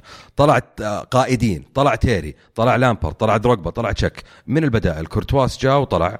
آه، في الدفاع كيهل خلاص هذا هو بيمشي. يعني ممكن اللاعب الوحيد اللي فعلا أعتبره ممكن يكون قائد في الفريق هو ازبيليكويتا وتحتاج أكثر من كذا يا أخي تحتاج أكثر من كذا معلش حكينا كثير عن الفريق المهزوم ما حكينا عن الفريق الفايز الفريق الرائع بس قبل قبل ما قبل ما ننتقل ويستاهل قبل ما فريق نتكلم عن الفريق الرائع الرائع اسلم. البطل إيه. الكبير العريق ال invincible بس يعني هل جية هيغوين اللي أعتقد إنه خلاص شفناه اليوم ما شارك في مع الميلان وأتوقع حتى مراته رايح في- إلى أتلتيكو لكن هل جية هيغوين بتحل هذه المشاكل؟ سؤال رائع شوف بعد. أتوقع جية هيغوين أكبر من انها تحل المشاكل هذه ليش؟ لأن في آخر ثلاث سنين أو آخر أربع خمس سنين عندك ثلاث مدربين مختلفين كل واحد من المدرب هذا جايب system معين جايب نظام معين مع ذلك ال ال الإدارة المسؤولة عن بيع وشراء اللعيبة الله يعطيهم العافية. شغلهم ممتاز. يعني باخر فترة صفقاتنا أنا بالنسبة لي من أفضل الصفقات في البريمير ليج. بس ما في الربط بين المدرب إيش يحتاج أو system المدرب إيش يحتاج وبين اللاعب اللي بجيبه. في إدارة تقول لك okay هذا لاعب كويس أنا بجيب اللاعب الكويس هذا والمدرب هو يتصرف معه عاد يشوف شلون يدبره. أتوقع تحتاج أكثر من لاعب واحد انك تصلح الشيء هذا. أتوقع الفريق يحتاج يصير فريق ساري لأنه هو حاليا ما هو فريق ساري. أتوقع الشيء هذا ممكن يصير الموسم الجاي بعد الصيف. وأتوقع بيبيتا على الأقل بيأهلنا ال top four المو المو بس بسمع رأيك أنت على هذا الموضوع. جابت هيغوين هل بتحل مشاكل تشيلسي؟ آه راح تحل مشاكل الهجوم لكن مشاكل التحفيز هذه ترجع للمدرب. وأشوف أنا مفروض يدقون على جون تري تعالي جون تري خليك مدير فريق. أي كذا. سلمان مش اسمه سلمان مفرج تعال مفرج الفريق انت وصف هنا بس على أساس في الحالات هذه أبغاك تنتشل الفريق تحفيزيا ولما يصير في تخاذل يعطيهم نظرة جون تيري ويرجع الفريق إن شاء الله زي ما كان. آه هيغوين لاعب ممتاز صفقة راح تكون رائعة جدا وراح تعطي تشيلسي فرصة أكبر على الحصول على المركز الرابع آه وممكن يتعدون الرابع بعد. لكن ما راح تحل كل المشاكل لكن فعليا راح تحل مشاكل الهجوم والتهديف هو عموما بعد بعد الكلام اللي قاله آه، ساري في المؤتمر الصحفي أنا أتوقع إنه راح تزيد المشاكل من هنا وطالع لأنه إيه. خلاص آه، انت أنت أول ما تبدأ الحرس مع اللعيبة تكلمت ايطالي إيه. أول ما تبدأ تتكلم ايطالي إيه إيطاليا عشان إيش؟ الناس كلها تفهم بالضبط إيش قاعد أقول. خلي المترجم هو يترجم بالضبط لأن إنجليزيتي مو كويسه فأنا أتكلم ايطالي عشان ما حد يغلط. بعد كذا أنا أتوقع الان الآن صار في شدلية صار في جروب واتساب تهاوشوا جاء حقين الحرس حقين كل سنة يلا اقلب على المدرب. شوف أنا بس يعني نقطة أخيرة بقولها. لما يجي مدرب جديد الفريق ويبغى يطبق نظام جديد وتكتيك جديد في ثلاث مراحل للتطبيق. المرحلة الأولى أول ما تبدأ يطبق التخط... الخطة تشوف يعني تحسن بشكل كبير جدا. آه تشوف الفريق بدأوا ياخذون يبدون ياخذون الأفكار هذه ويطبقونها. المرحلة الثانية يصير عندك زي يعني مرحلة وقت تتقدم خطوة ترجع ثلاث خطوات. تتقدم خطوة ترجع خطوة. تتقدم خطوتين ترجع خطوة. فالفترة هذه أتوقع أنا اللي شايفها هي الفترة اللي موجود حاليا فيها تشيلسي. النقطة الأخيرة الفترة الأخيرة اللي هي المرحلة الثالثة لما الفريق يلقم مع التكتيك وخلاص يستوعب المدرب إيش يبغى ويعرف إيش يسوي يعرف إيش يسوي في كل مباراة هي اللي إحنا نبغى نوصل لها اللي الحين ما وصلناه وهي المرحلة اللي وصلوا لها مان سيتي السنة الماضية مع باب فبالنسبة لنا إحنا يعني في وقت حساس جدا الحين. أتمنى الإدارة إنها ما تتسرع و يعني ما أدري تفلم وتشيل المدرب فجأة. إيطالي هو أبو إي ما أدري. يعني أنا أتم... فعلا فعلا أتمنى يعني, يعني. آه ان يعني تشيلسي ما تصير إدارة تشيلسي. أيوه اتمنى إدارة تشيلسي يغيرون من الصفات التشيلساويه حقتهم شوية. الرجال له له ما كمل سنة. اعطوه الموسم ذا دعموه في الصيف وأتوقع الموسم الجاي بتشوفون تشيلسي مختلف. يا سعادة الأستاذ رومان من منبره هذا أبو شامسي يناديك ويوجه لك هذه الرسالة آه، بعدم إقالة المدرب. ويعني بحكم إن المنبر حقنا هذا واصل لجميع أنحاء العالم إن شاء نعم الله. نعم. عندنا مستمعين من إيطاليا وإنجلترا ونطلع لكم الليستات حاضرين. الجانب الآخر من المباراة اللي أرسنال اللي ما حكينا عنهم كمان الخطة 4 3 1 2 كانت مناسبة جدا للفريق. أول مرة يلعب فيها امري كان خيار مهم إنه يحول من ثلاث لاعبين في قلب الدفاع إلى أربع لاعبين آه، مدافعين ويغير شكل الخطة شوي. يعجبني المرونة اللي عند امري في من مباراة إلى أخرى في الشكل التكتيكي حق الفريق في الأدوار اللي يطلبها من كل لاعب. رمزي اللي للأسف راح يطلع من الفريق ببلاش قدم مباراة رائعة ويعني قدر إنه يلغي خطر جورجينيو ويوقف الساري بول كلها. كمان في خط الدفاع رجعت كوشلني وهدفه ولو كان يعني فيه جزء كبير من الحظ لكن أداء رائع وفعلا أداء كابتن وكنا ناقصين وجوده في قلب الدفاع. الموضوع الأخير اللي بقوله لاعبي المفضل حاليا في أرسنال. دائما لكل واحد تلاقي عنده لاعب مفضل في فريقه. لما أقول لك اللاعب المفضل مو بشرط إنه أفن لاعب أكثر لاعب فنان بس تلاقي عندك في كل فريق لاعب مفضل. أنت مثلا عزيز في اليوفي مين لاعبك المفضل؟ مانزوكيتش يلا هو هو عندي رونالدو مثلا. شامسي مين لاعبك المفضل؟ شوف يعني فهذا النقطة حقتي. أنا ما راح أجيك لأنك يعني تحتار أدري. الدخية أنا عارف انت أنت واضحه أنا لاعب مفضل عندكم دخية بعد. فالنقطة اللي بوصل لها إنه مو شرط إنه 2001 لاعبي المفضل حاليا في أرسنال هو سقراطس. سقراطس اللاعب هذا يجسد كل شيء أتمناه في لاعب كرة القدم إنه يكون من ناحية ذهنية ومن ناحية حماسة للعب وحماسة للانتصار. وكيف على كل تاكل ولو كان بسيط كيف يوقف ويحتفل ويفلم يعني يوريك إن كرة القدم أكبر من مجرد لعبة. يعني ويوريك إنه فعلا في لاعبين الحافز هذا يجي منهم هم شخصيا.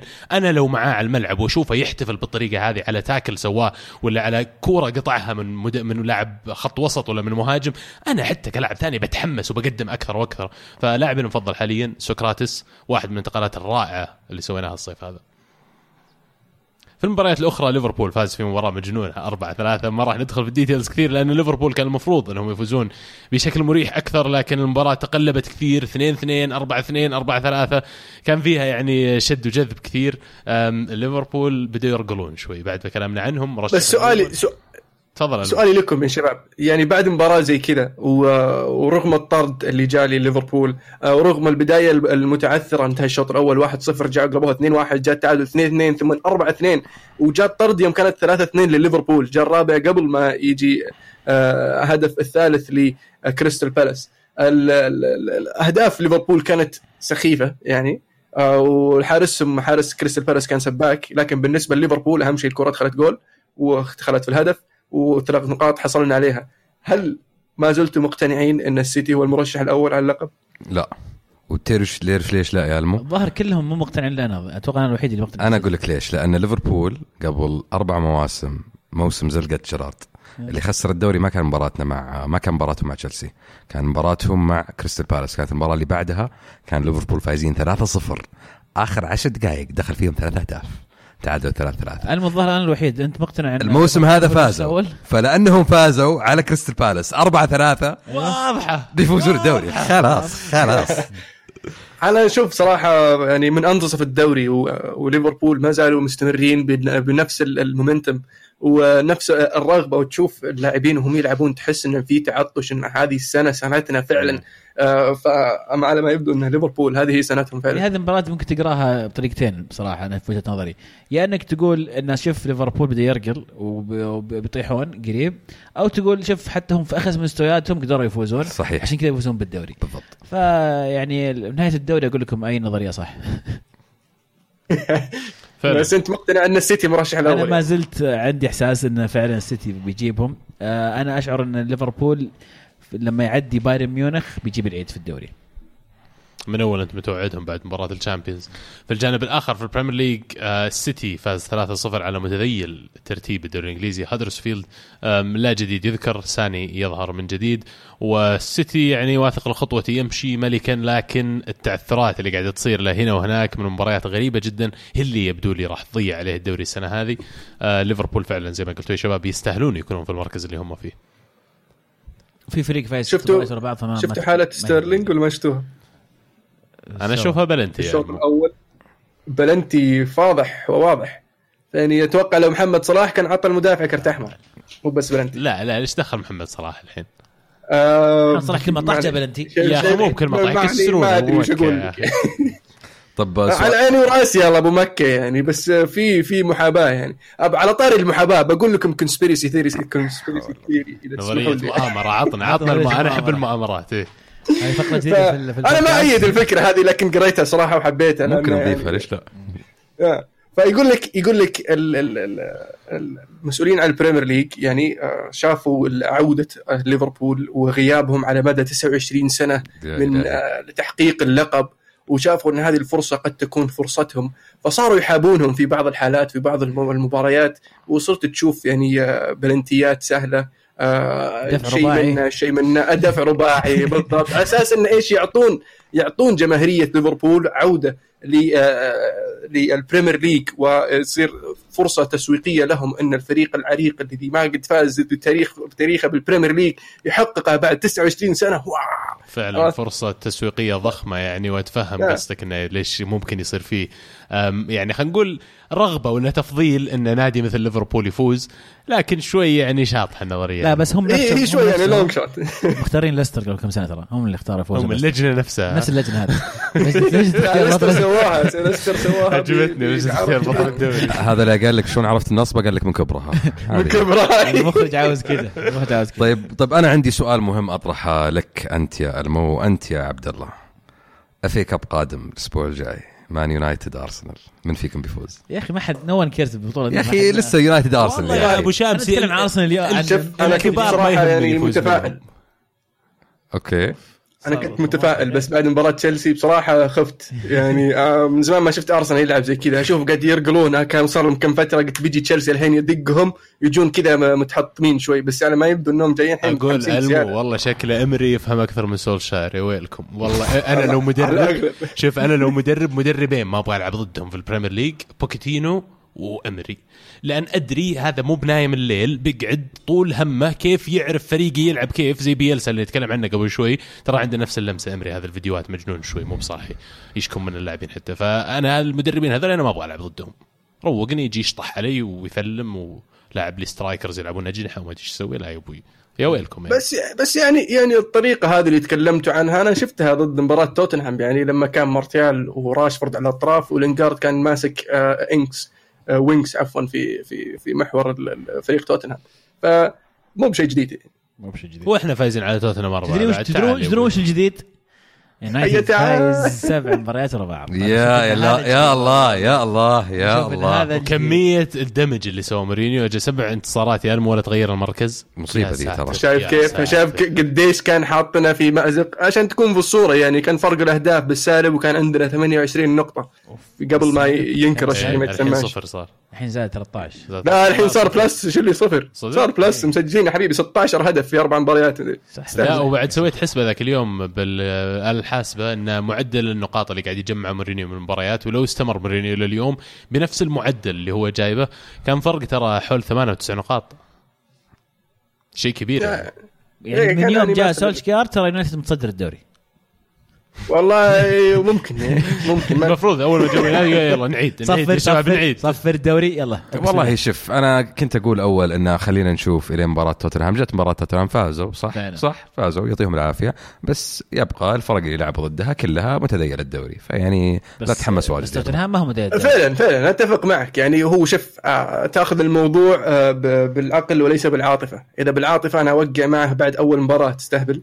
لكن آه، بالعقل الرجال لسه قدامه آه، اختبارات قدامه اختبارات جاية ما تتخيل يعني آه، أقرب اختبار مباراة أرسنال مباراة خروج مغلوب أول مباراة خروج مغلوب يلعبها مع فريق زي أرسنال آه، وخارج أرضه. يعني بنشوف مباراة مختلفة غير ذلك لسه عندك مباريات ضد أرسنال تشيلسي ليفربول والسيتي في الدوري.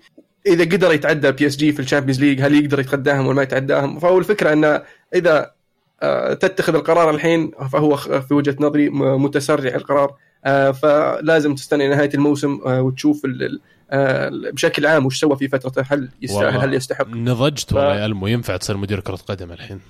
والله آه، أنا ب... أنا سياسية ما جدا شكرا. دبلوماسي أنت. فالفترة يعني اللي عشناها الفترة الماضية صدقني يعني تخلي الواحد آه، يبدأ يركز في أشياء أكثر ما بس المستوى أهم شيء وسعت صدرك بس يا قلبي. الحمد لله مبسوط أنا الفترة هذه. الحمد لله. الله يجعلها تستمر إن شاء الله ونجيب ال 21 إن شاء الله في المستقبل القريب. تستمر السعادة بس مو ال 21 الرابع ولا تزعل. طيب كذا نكون قفلنا على الدوري الإنجليزي وننتقل للدوري الإيطالي. في إيطاليا تحديدا قبل الدوري الإيطالي نبغى نبدأ بال Super Cup الإيطالي اللي أقيم في جدة الأسبوع الماضي. وانتهى بفوز اليوفي على ميلان 1-0 على إي سي ميلان 1-0 بهدف كريستيانو رونالدو. نهائي يعني يخلف ال record حق ميلان اللي عاده ما يفوزون بنهائيات ال Super Cup هذه. ثلاثة على التوالي قبل النهائي. هذه فازوا فيها اللي شاركوا فيها النهائي. أما هذه انقلبت الآية. طرد كيسي الشوط الثاني دقيقة 73 كمان ما ساعد.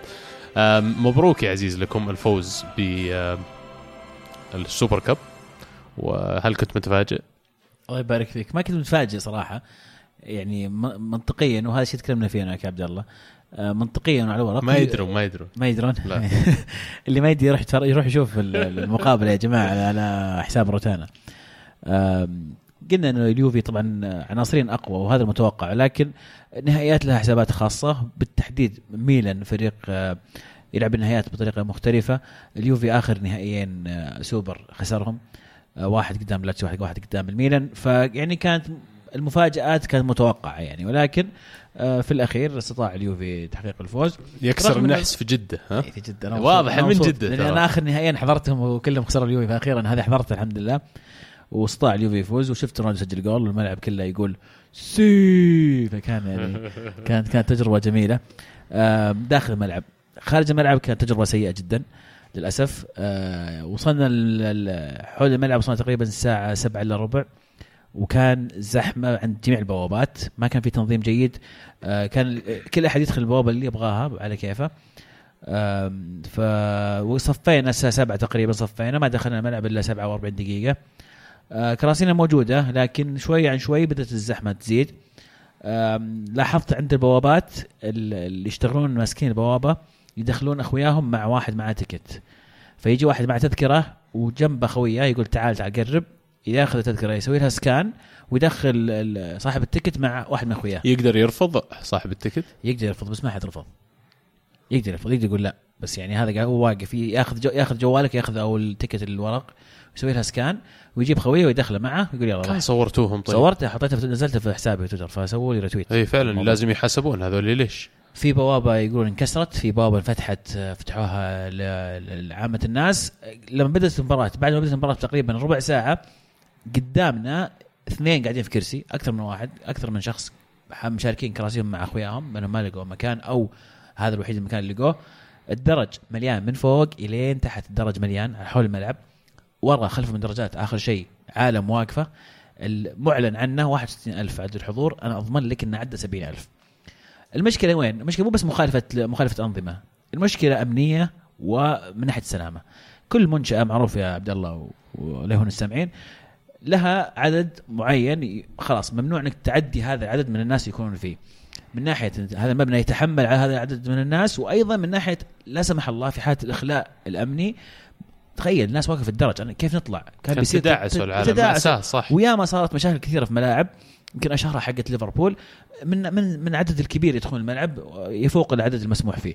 ف ال- ال- ال- اللوم أنا بالنسبة لي يعود إلى الشركة المنظمة أعتقد إنها صلة إن ما وعت اللي هذول المواقفين عند البوابات إنه ترى أنت مو بس تخالف نظام ترى مو بعادي لا الموضوع يشكل خطر على الناس الموجودة الناس الحاضرة. انت تسبب هنا في, في خطورة الناس اللي جاي يشوفون مباراة جايين ينبسطون وتحطهم في موضع خطر. فشفت المشكلة صارت أيضا في في البداية أصلا من يوم حطوا تذاكر أونلاين طريقه البيع كانت سيئة. فبالنسبة لي الجزء السيء من هذه التجربة هو موضوع التذاكر ودخول الملعب. بالنسبة للمنظمين اللي برا من أمن العقوبة أساء الأدب. صحيح. وهذا المشكلة أعتقد إن صله مسيطرة على موضوع التذاكر. المناسبات في السعودية. لكن المباراة كانت جميلة استمتعنا فيها صراحة. آه، الأجواء كانت حلوة. يعني كان في ما كان في آه، مشاكل آه، بين الجماهير. وكان طبعا الجميع جالس في كل مكان محيوس يعني ما في جهة ميلان جهة اليوفي. هذا شيء يعني كان ممكن يكون أحسن من اللي سووه. وش آه، عددهم أكبر الجمهور؟ يوفي ولا ميلان؟ والله صعب تقديرك. صعب صعب تقول أعتقد اليوفي. بس صعب إنك تقول لأن قاعدين حول بعض كلهم. ما شفت. يعني الغالبية لون أبيض أو لون أحمر مثلا؟ في ألوان كثيرة. يعني آه، في في انتر اي. ترى بقول لك واحد. جاي لابس انت انتر جاي برشلونة جاي بس بي اس جي جاي الناس بس جاي يشوفون رونالدو. فيعني في في في مدريد طبعا كثير. فصعب إنك تقول لكن أعتقد من اللي شفته خارج الملعب أغلبيتهم مشجعين اليوفي. يعني إن شاء الله نطلع لل- المرات الجاية يكون في تنظيم أحسن. أنا أعرف شخصيا إنه رابط يوفنتوس حاول يتواصلوا مع مع صله ومع هيئة الرياضة من زمان من ست شهور تقريبا في هذا الموضوع. وعرضوا خدماتهم مجانا لمحاولة مساعدة في التنظيم آه ولكن ما جاهم رد. آه وللاسف يعني إنه أنا عارف حتى كان في تعاون مع رابطة ميلان بين الرابطتين مع بعض إنهم يسووا يهتمون بأماكن الجمهور والتنظيم والاستعداد. كل هذا ما كان فيه. أتمنى السنة الجاية إذا كان فعلا البطولة ستقام عندنا في السعودية مرة ثانية يكون في تعاون مع الروابط. فعلا ألف مبروك عزيز ومبروك لجماهير اليوفي ونتمنى نشوف إن شاء الله في الرياض السنة الجاية. بس آه، حلو يعني لو يكون نابولي ميلان مثلا نابولي إنتر ولا ولا عبد الله؟ يعني ما تبي اليوفي. ودي ودي تغيير ودي يا أخي رونالدو موجود معاهم لا والله خل رونالدو يجي. اي كمان ورمزي. تسويقيا. آه، والله جيد هذا. بنخليه ينافس ألمو على كرسي الرئاسة. ممكن ممكن ليش لا؟ إيه صايرين يفهمون. عموما في الدوري الإيطالي في المباريات الأخرى إنتر ميلان يتعادل بشكل غريب جدا مع ساسولو في الجوسيبي مياتزا صفر صفر. أم، إنتر كان عنده التحكم كامل بالمباراة لكن من جديد يعني قاعدين يفلمون. إنتر ساسولو دائما تعودنا منها 4 3 3 2 شيء كذا أهداف كثيرة. آه غريبة صراحة صراحة, صراحة مؤسفة. وغريب إن إنتر يعني يخسرون نقاط المباراة في مباراة المفروض إنها محسومة لهم بالشكل هذا. الموضوع الأكبر اللي يمكن اللي يدور في فلك إنتر حاليا موضوع إيكاردي وتجديد عقده من عدمه. آه، اللاعب باقي على عقده لسه الظاهر سنتين أو سنتين ونص فمو ما راح يعني ينتهي قريب. لكن إنتر عارفين إنه راح يصير في طلب على خدماته في الفترة الجاية ويوريك فعلا الإدارة الصاحيه كيف تشتغل. من الآن قاعدين يتفاوضون معه في مبدأ التجديد وتجي يجيب الموضوع يلف ويجيب رمزي من جديد. الراتب اللي يطالب فيه إيكاردي الآن يقولون إنه يبغى 7.5 مليون يورو في السنة طالب من انتر ميلان. فالمنطق حقه إنه okay أنا ما راح أقارن نفسي برونالدو لكن الحين رمزي هذول بيجيبونه وبيسوونه ثاني أكثر لاعب راتب في الدوري الإيطالي. أنا أشوف نفسي المفروض يندفع لي أكثر من رمزي. فهنا تجي مقارنات. فتشوف منطقي طلب إيكاردي يا عزيز سبعة ونص منطقي. ديبالا ياخذ سبعة ونص. أشوف انه يعني إيكاردي المفروض ما يقلل آه، ما يكون أقل من كذا بالذات إنه هو نجم الإنتر الأول والمهاجم مر- مرغوب فيه من أكبر أندية آه، أوروبا. كالعادة كل سنة آه، نفس الشيء يصير نفس الموال.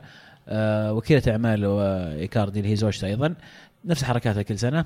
آه، تسوي بلبله في ال social media تطلع تتكلم في الصحافة عشان بس العقد يكون أعلى وأعلى.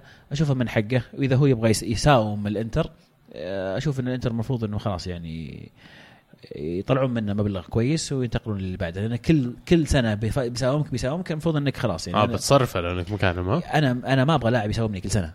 مو مو كل سنة كل كل عقد العقد هذا أنت بتجدده مع الحين خمس سنين. هذا الظاهر ثالث عقد يوقع في آخر أربع, أربع أو خمس سنوات.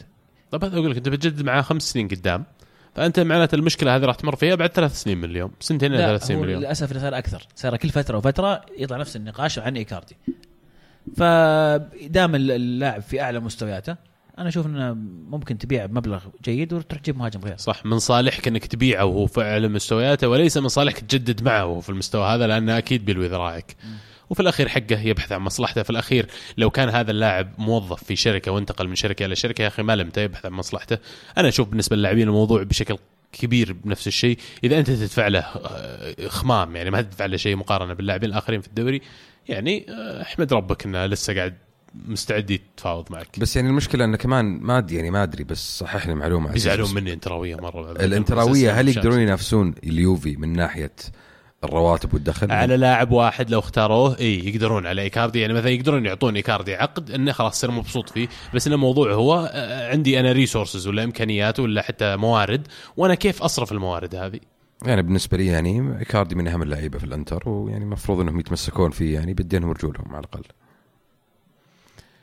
في آه، نابولي. نابولي يفوزون 2-1 على لاتزيو. بعد طرد لاعب كمان من لاتزيو آه، اللي هو اتشيربي. كاليخون وميليك ميليك ما زال هو هداف نابولي الموسم هذا. أداء رائع صراحة من البولندي اللي أول ما جاء بعد ما جاء بفترة بسيطة جاه رباط صليبي.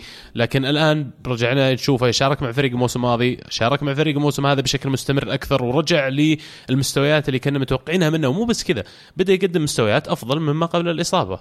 فمكسب كبير أنا أشوف بالنسبة لنابولي. لكن هل هو الم- المهاجم ولا هل هو هذا نابولي اللي فعلا يقدر ينافس اليوفي؟ حتى لو مو الموسم هذا الموسم الجاي. هل تشوف عند فريق نابولي الحالي القدرة على منافسة اليوفي على الدوري؟ آه، في وجهة نظري نابولي يعني آه، عندهم ال- ال- ال- القدرة لكن يحتاجون بعض التغييرات آه، أو التحسينات في خاصة في خط ال- ال- الدفاع وممكن في خط الوسط.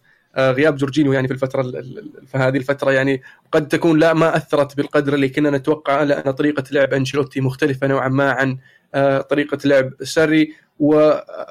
وملك يناسب آه، أنشيلوتي أكثر من ساري. وشفناه قاعد آه، يأتي بثمار هذه الأشياء. آه، ال- طريقة اللعب والتهديف واللاعب يعني عارفين من أيام هيكس واللاعب آه، ممتاز وجابوه وهو يعني لسه شاب وما زال ما وصل 25 سنة لسه فقدامه مستقبل. آه، من ناحية منافسة اليوفي يعني أتوقع هي يبي لها شيء واحد بس إن الليجري يطلع من الصورة. طلع الليجري من الصورة وإن شاء الله يعني الدوري لنابولي فعلا يعني يعني شوف ما ما أتوقع إن الموضوع بهذه السهولة لكن أتفق معك تماما. الشكل نابولي السنة هذه آه، مختلف الشكل. ويمكن آه، فرصة كويسة أنشيلوتي إنه يبني على هذا الفريق بالتعزيز في أكثر من مركز. المحافظة على عناصر مهمه مثل أو بالتحديد كوليبالي شيء أساسي لهذا لهذا الفريق. إذا يبغون فعلا ينافسون اليوفي. آه، أو أو أو أو- أو أو أو اسمح لي باع- أو يونايتد، أيوة. بمبلغ أيوه اي عرفت بس يعني يقدرون يدعمون باقي الصفوف عرفت شلون؟ يحتاجون يعني مبلغ عشان يجيبون لاعب في في خط الوسط يجيبون واحد زي التشوكي لوزانو يعني زي كذا عرفت؟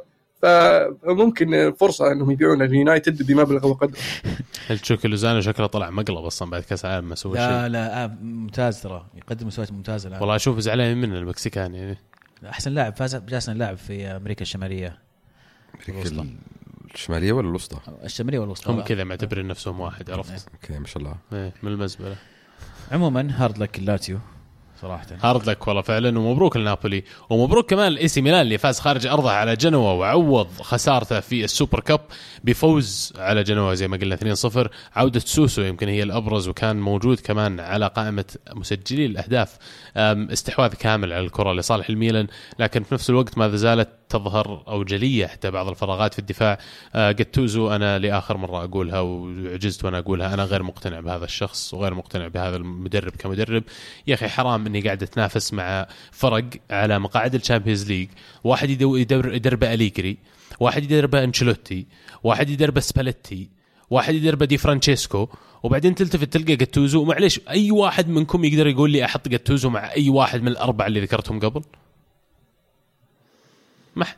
طبعا ما حد. يعني خزي. أتوقع آرائنا في جاتوزو يعني من زمان إحنا نتكلم نفس النقطة. حتى يوم تم التجديد لجاتوزو تقريبا قبل تق- تقريبا سنة أعتقد نفس الوقت ذا السنة الماضية. كان بالنسبة لي شيء مفاجئ وقلت في وقتها إنه مجرد إنه الأوضاع اللي يمر فيها ميلان قد تكون هي السبب إنه آه، جددوا له ولين يجي الصيف ويشوفون يتاكدوا من وضعهم يرجعون مدرب. لكن استمر على نفس المدرب. آه بس يمكن نقول في هذه المباراة ما شارك آه، بياتيك مهاجم جنوا ومؤشر مؤكد إنه متجه إلى ميلان. يفتح المجال إلى هيغوين إلى إلى تشيلسي ويفتح أيضا هيغوين موراتا إلى أتلتيكو كلها يعني زي الدومينو صايرة. لعبة الكراسي. رأيك في بياتيك إلى ميلان؟ والله مهاجم رائع. واللي قدمه في الدوري الإيطالي الموسم هذا مو هو بسيط آه، فيه مغامرة شوي آم، لأن اللاعب غير مثبت. ست شهور. طبعا اي غير مثبت اللاعب. لكن آه، سبحان الله بعض اللاعبين لما تشوفهم لمستهم على الكورة يمديك تعرف إن اللاعب فنان ولا لا. فأنا أشعر إن اللاعب فنان وعنده كل الإمكانيات. يبقى الموضوع الجانب الذهني اللي دائما نتكلم عنه ويعني لا يقل أهمية ترى عن الجانب الفني ولا ال- التكنيكي. لكن الجانب الذهني إذا كان فعلا لاعب كويس كمان ذهنيا فأنا أتوقع إنه بيحصلون لهم على لاعب رائع يعني.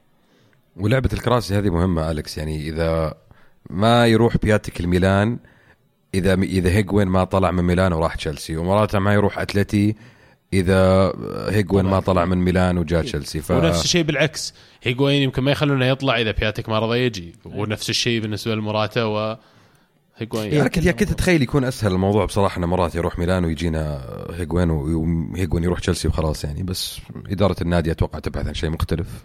أو يمكن موراتا رفض. كان مي رايح ميلان. ممكن ممكن. شوف أنا أحس. بصراحة موراتا الأتلتي يعني بتكون شيء مرة تكون حريقة. وألمو اسمع هذا الخبر الحصري من عندي. موراتا راح يسجل على اليوفي ويمكن يكون سبب إن اليوفي يطلع من ال Champions League. أوبا. تا تا تا تا. تصريح ناري فعلا. okay ننتقل آخر مباراة آه، روما. روما يفوزون 3-2 الأسبوع في جولة الأسبوع هذا آه، على تورينو. آه، مبروك للروماويين ولكن يعني 3-2 مشكلة. زانيولو أتوقع إنه ما زال يقدم مستويات جميلة. أرفض تماما التشبيه بتوتي جمهور روما هدي لي هدي لي أعصابك هدي لي وضعك تو صغير. لا تشبه بتوتي تعدم أم اللاعب.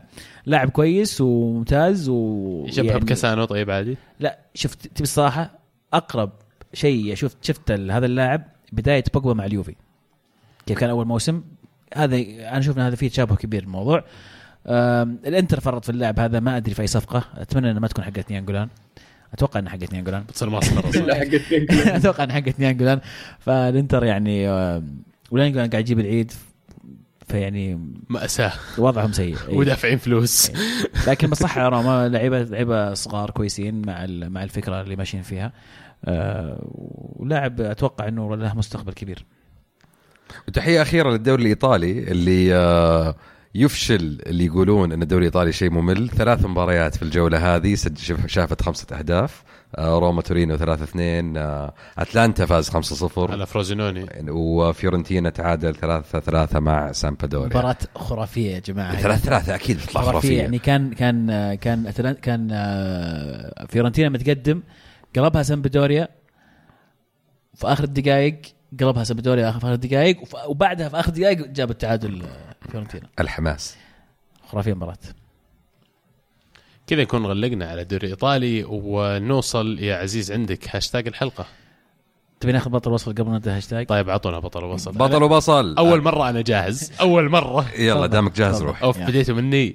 طيب؟ آه، لا صراحة أنا ما تعودت أبدأ. ف طيب بطل وبصل. أنا عندي بطل وبصل. آه، بطلي الأسبوع هذا دييغو جوتا مهاجم لاعب مهاجم نادي ولفرهامبتون جاب هاتريك للمرة الأولى الظاهر في مسيرته وأول هاتريك لبرتغالي في ال Premier League من كريستيانو رونالدو من 11 سنة. ثاني برتغالي فقط يسجل هاتريك في ال Premier League والهدف الأخير هدف الفوز جاء في الدقيقة 92 فتحية لك يا دييغو تحية لولفرهامبتون آه بصل للأسف هو نادي تشيلسي بأكمله بجميع اللعيبة والغسال حقهم وسواق الباص. آه ما كانوا حاضرين في مباراة أرسنال الشوط الأول. آه كانوا لسه ظاهر في الهوتيل. الجماعة أداء سيء جدا أسوأ من مباراة لتشيلسي الموسم هذا. وأتمنى أنه يصحصحون المباراة الجاية. هدف الأسبوع. شفتوا هدف سيسوكو يا شباب؟ ما شفتوه لا. هدف آه إبراهيم سيسوكو لاعب ستراسبورغ ضد موناكو. طبعا هذه أول مباراة لسيسك فابريغاس مع موناكو للأسف انصقعوا 5 1 الهدف الثالث كان خطأ مباشر من آه سيسك. آه جت الكرة في الدفاع جاي يحاول يخلصها انقطعت منه كان اللاعب في المنطقة. ودفها الواحد اللي هو إبراهيم سيسوكو من خارج المنطقة جاء يا رجل وعطاك يعني شوته curling.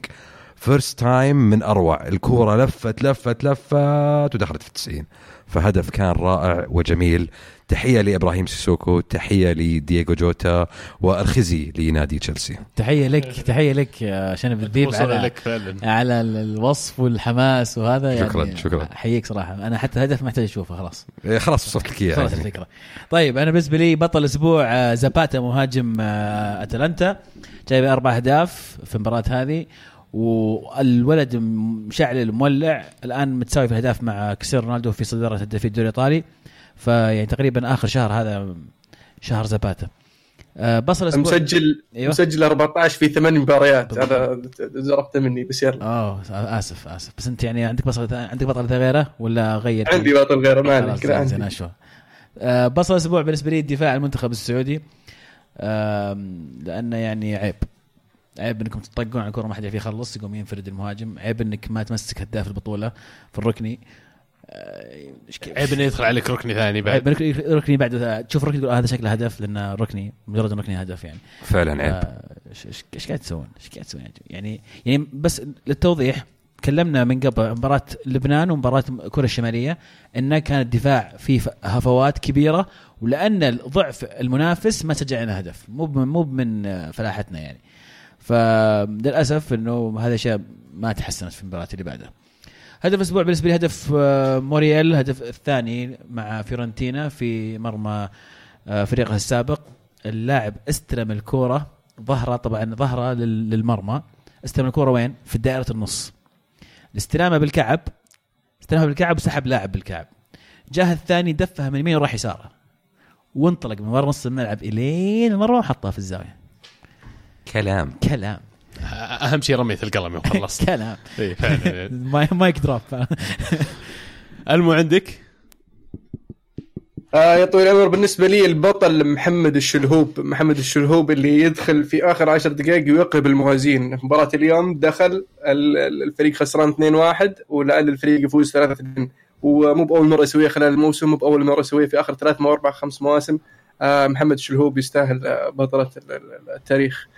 آه بالنسبة للبصل طبعا البصل بطل التاريخ. زبدة جائزة بطل التاريخ. المهم آه بالنسبة للبصل يعني البصل تروح لمحبوبها ومعشوقها يعني يتوقع ان انقشع ما راح ترجع لها البصلة مورينيو. يستحق بصلة الأسبوع.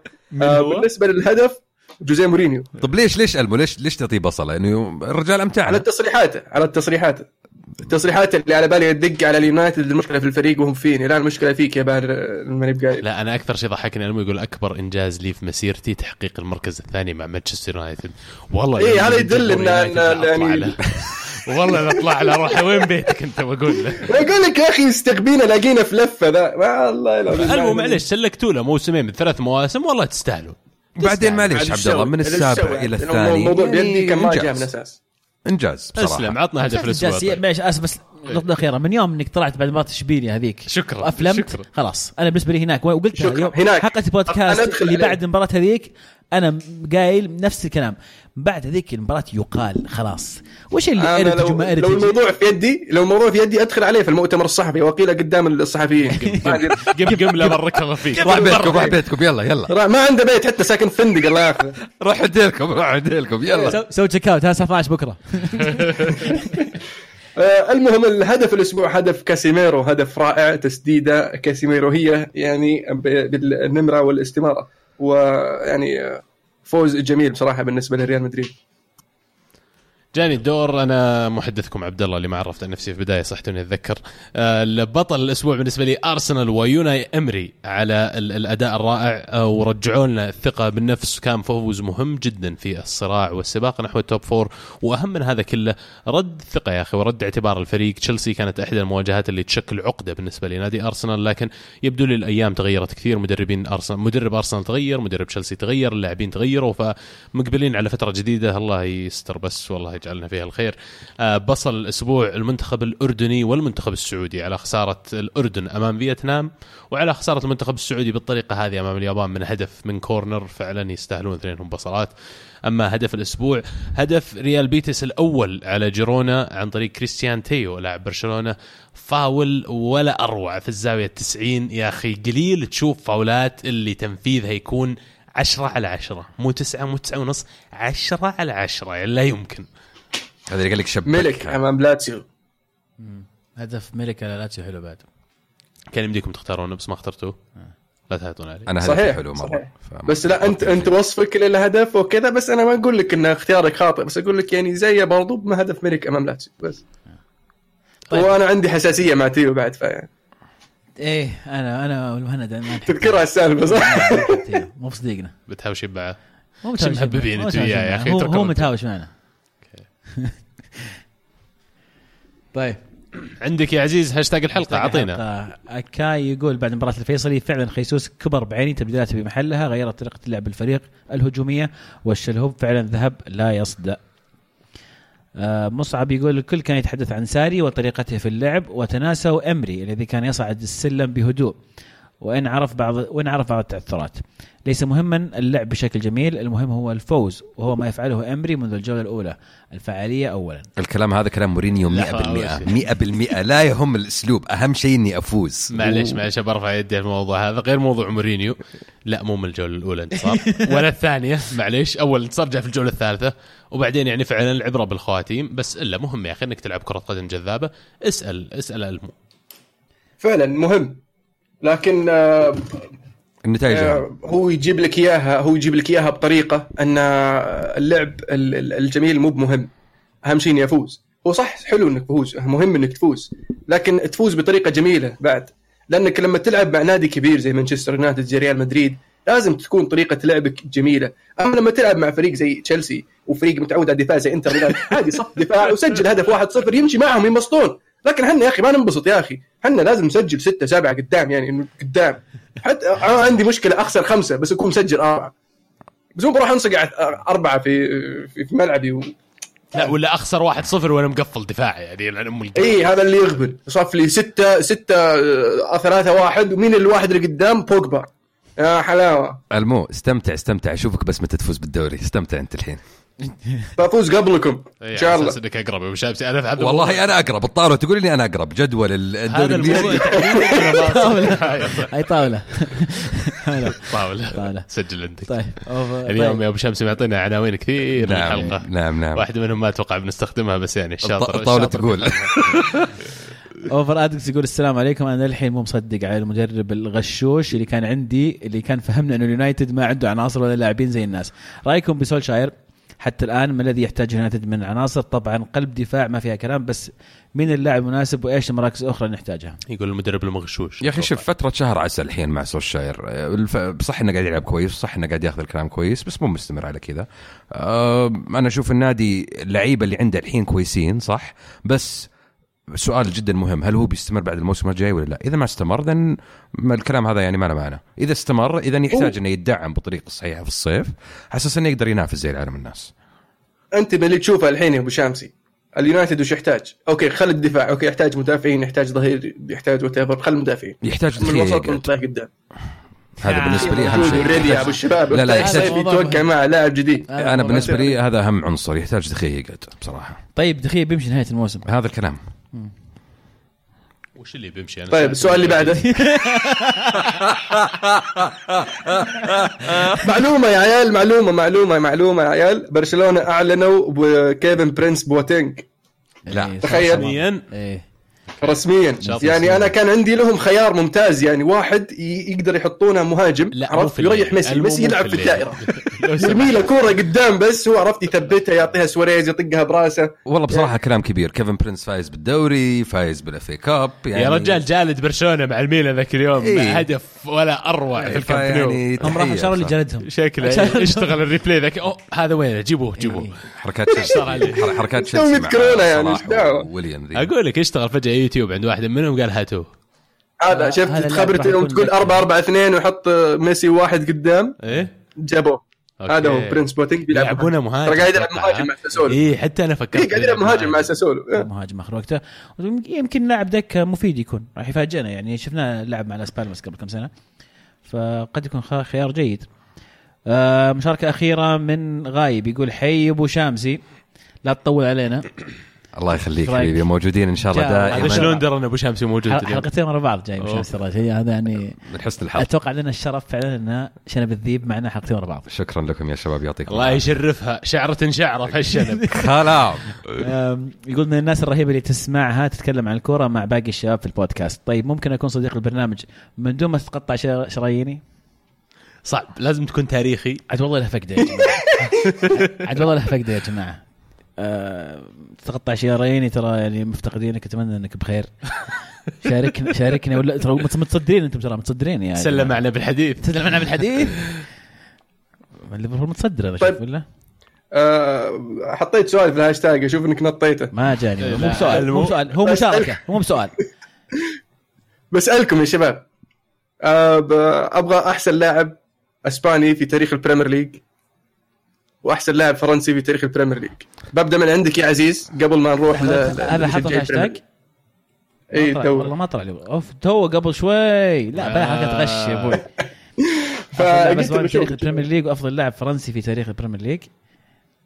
شوف يعني فرنسي يبغى- واحد من اثنين. يعني أنا أبغى أبدأ من عند عزيز. استنى. طيب أنتم حقين ال Premier League استنوا على جنب. طيب بس أنت تفضل عزيز. حطيت تحت الأضواء مباشرة فأول أسماء تجي على بالي بقولها. أفضل لاعب فرنسي في تاريخ ال Premier League آه, آه في في اسمين جو. عندي. اريك كانتونا وتيري هنري. هم هذول الاسمين. آه أفضل لاعب أسباني في تاريخ البريمير ليج. آم، ديفيد سيلفا. و آه، ما ما أقدر أقول الحين. الآن إلا ديفيد سيلفا صراحة. ما في أحد في بالي. أنا. ممكن ممكن أضيف ديفيد سيلفا. فرناندو توريس أو سيسك فابريجاس عبد الله؟ آه، باللي الثلاثة اللي ذكرهم آه، الشامسي بس بضيف عليهم يمكن تشابي ألونزو بس إذا بختار واحد منهم الأفضل اللاعبين الأسبانيين اللي شاركوا في البريمير ليج بختار ديفيد سيلفا لأن الفترة المشاركة لهم في البريمير ليج كانت طويلة مقارنة بغيره بالإضافة إلى النقلة النوعية اللي سواها للسيتي. هو كان أول لاعب فعلا نقل سيتي من فريق top four مثلا ولا جاء تو جايين جدد مستثمرين إلى فريق بطل. هو كومباني اجويرو أنا لي. للفرنسي يعني أتوقع واضحه جدا أنا ما يبي لها أي حتى نقاش يعني ما أدري شلون تسالون السؤال تيري اونري أفضل لاعب. قد لمست قدماه ملاعب الكرة القدم الإنجليزية. يا إلهي. اي معليش. جميل. بالنسبة لي صراحة أنا أشوف بالنسبة للفرنسيين سيسك فابريجاس فابريجاس صار في مدة طويلة في الدوري الإنجليزي. فابريجاس. إسبان. الاسبانيين عفوا. آه، فابريجاس يعني أسرع لاعب وصل إلى ما أدري 100 assist في في الدوري الإنجليزي ويعتبر ثاني أكثر لاعب صنع أهداف في الدوري الإنجليزي ويعني يحقق الدوري يحقق الكاس يحقق كل ما يقدر حق يحقق الدوري مع. تشيلسي لو سمحت نعم. ما له. دخل ما له دخل مرتين ما له. دخل ما له دخل. أهم شيء نتكلم عن اللاعب الحين آه بالنسبة للاعب يعني ما أختلف مع اللي يقول تيري هنري لكن بالنسبة لي اريك كانتونا لأن اللي- النقلة اللي سواها اريك كانتونا آه لمانشستر يونايتد هي اللي خلت يونايتد يوصل إلى ما وصل اليه قد تكون يعني نفس ال ال الوصف لدافيد سيلفا اللي وصلت في حاله السيتي إي بس تيري اونري يا عيال إيش دعوة؟ بس king. ما أختلف معك ما أقدر أختلف معك كانجازات كأنجازات أنا أتكلم عن okay، king. أنا أتفق معكم okay. كأنجازات يعني تيري أونري أسطورة فعلا. بس اريك كانتونا يعني أول سوبر ستار في البريمير ليج. إيه لاعب على مستوى يعني مو طبيعي. لاعب مختلف من جميع النواحي. كذا هو الحاله الحالة قصة. متميز. إي. ف يا عمي أونري كان عادي يعني. لا لا اوري ما كان لا عادي غلط. كان جامد. أنا وأنا جوابي كان واضح. قلت. قلت اثنين اسمين في بالي. لا اختار واحد. ما أقدر اختار واحد. لا تختار واحد. عادي بتزعلني بس مو بعادي ترى تزعلني. هو يا تزعل يا تزعل عبد الله إيه، بالضبط، حطه إيه. بالضغط أحسن لاعب فرنسي ثانية. خلاص اسكت. يمكن ديفيد دهيا يا المواظيف لسه لاعبين لا ولا هو في بحولها المستقبل- في المستقبل. ولا هو. يستاهل، يستاهل. بعد عطى- عطى. دخيا. ميتشو وميتشو شوي بيصير. هو أحسن لاعب وش يا رجل طيب أنا أنا ممكن أنا عندي إضافة ممكن أضيف إضافة بس معلومات آه، نهائية يعني قبل ما نقفل آه، يتبين إنه موراتا إلى أتلتيكو تم التأكيد عليها خلاص إن شاء الله 48 مليون ونص آه، إعارة مع option to buy طبعا آه، خسرانين حنا فيه إحنا شارين ب 60 مليون تقريبا فخسرانين حول 10 مليون تشيلسي. آه، بالإضافة إلى ديربي كاونتي وقع أشلي كول. أشلي كول؟ أشلي كول إلى ديربي كاونتي. آه صفقة غريبة بصراحة. يعرف لامبارد، لامبارد هو إيه. بس آه لاعبين سوء إيش دعوة؟ إي بس تحية إلى كاشلي كو... أشلي كول. لا زال لا زال لا زال يلعب. ونقطة أخيرة آه شفت مباراة ليفربول الأخيرة؟ انطرد فيها جيمس ميلنر. بكرتين أصفر. يتبين انه الحكم اللي طرد جيمس ميلنر كان مدربه آه مدرب الرياضة حقه أيام المدارس. فالدنيا صغيرة الدنيا دوارة.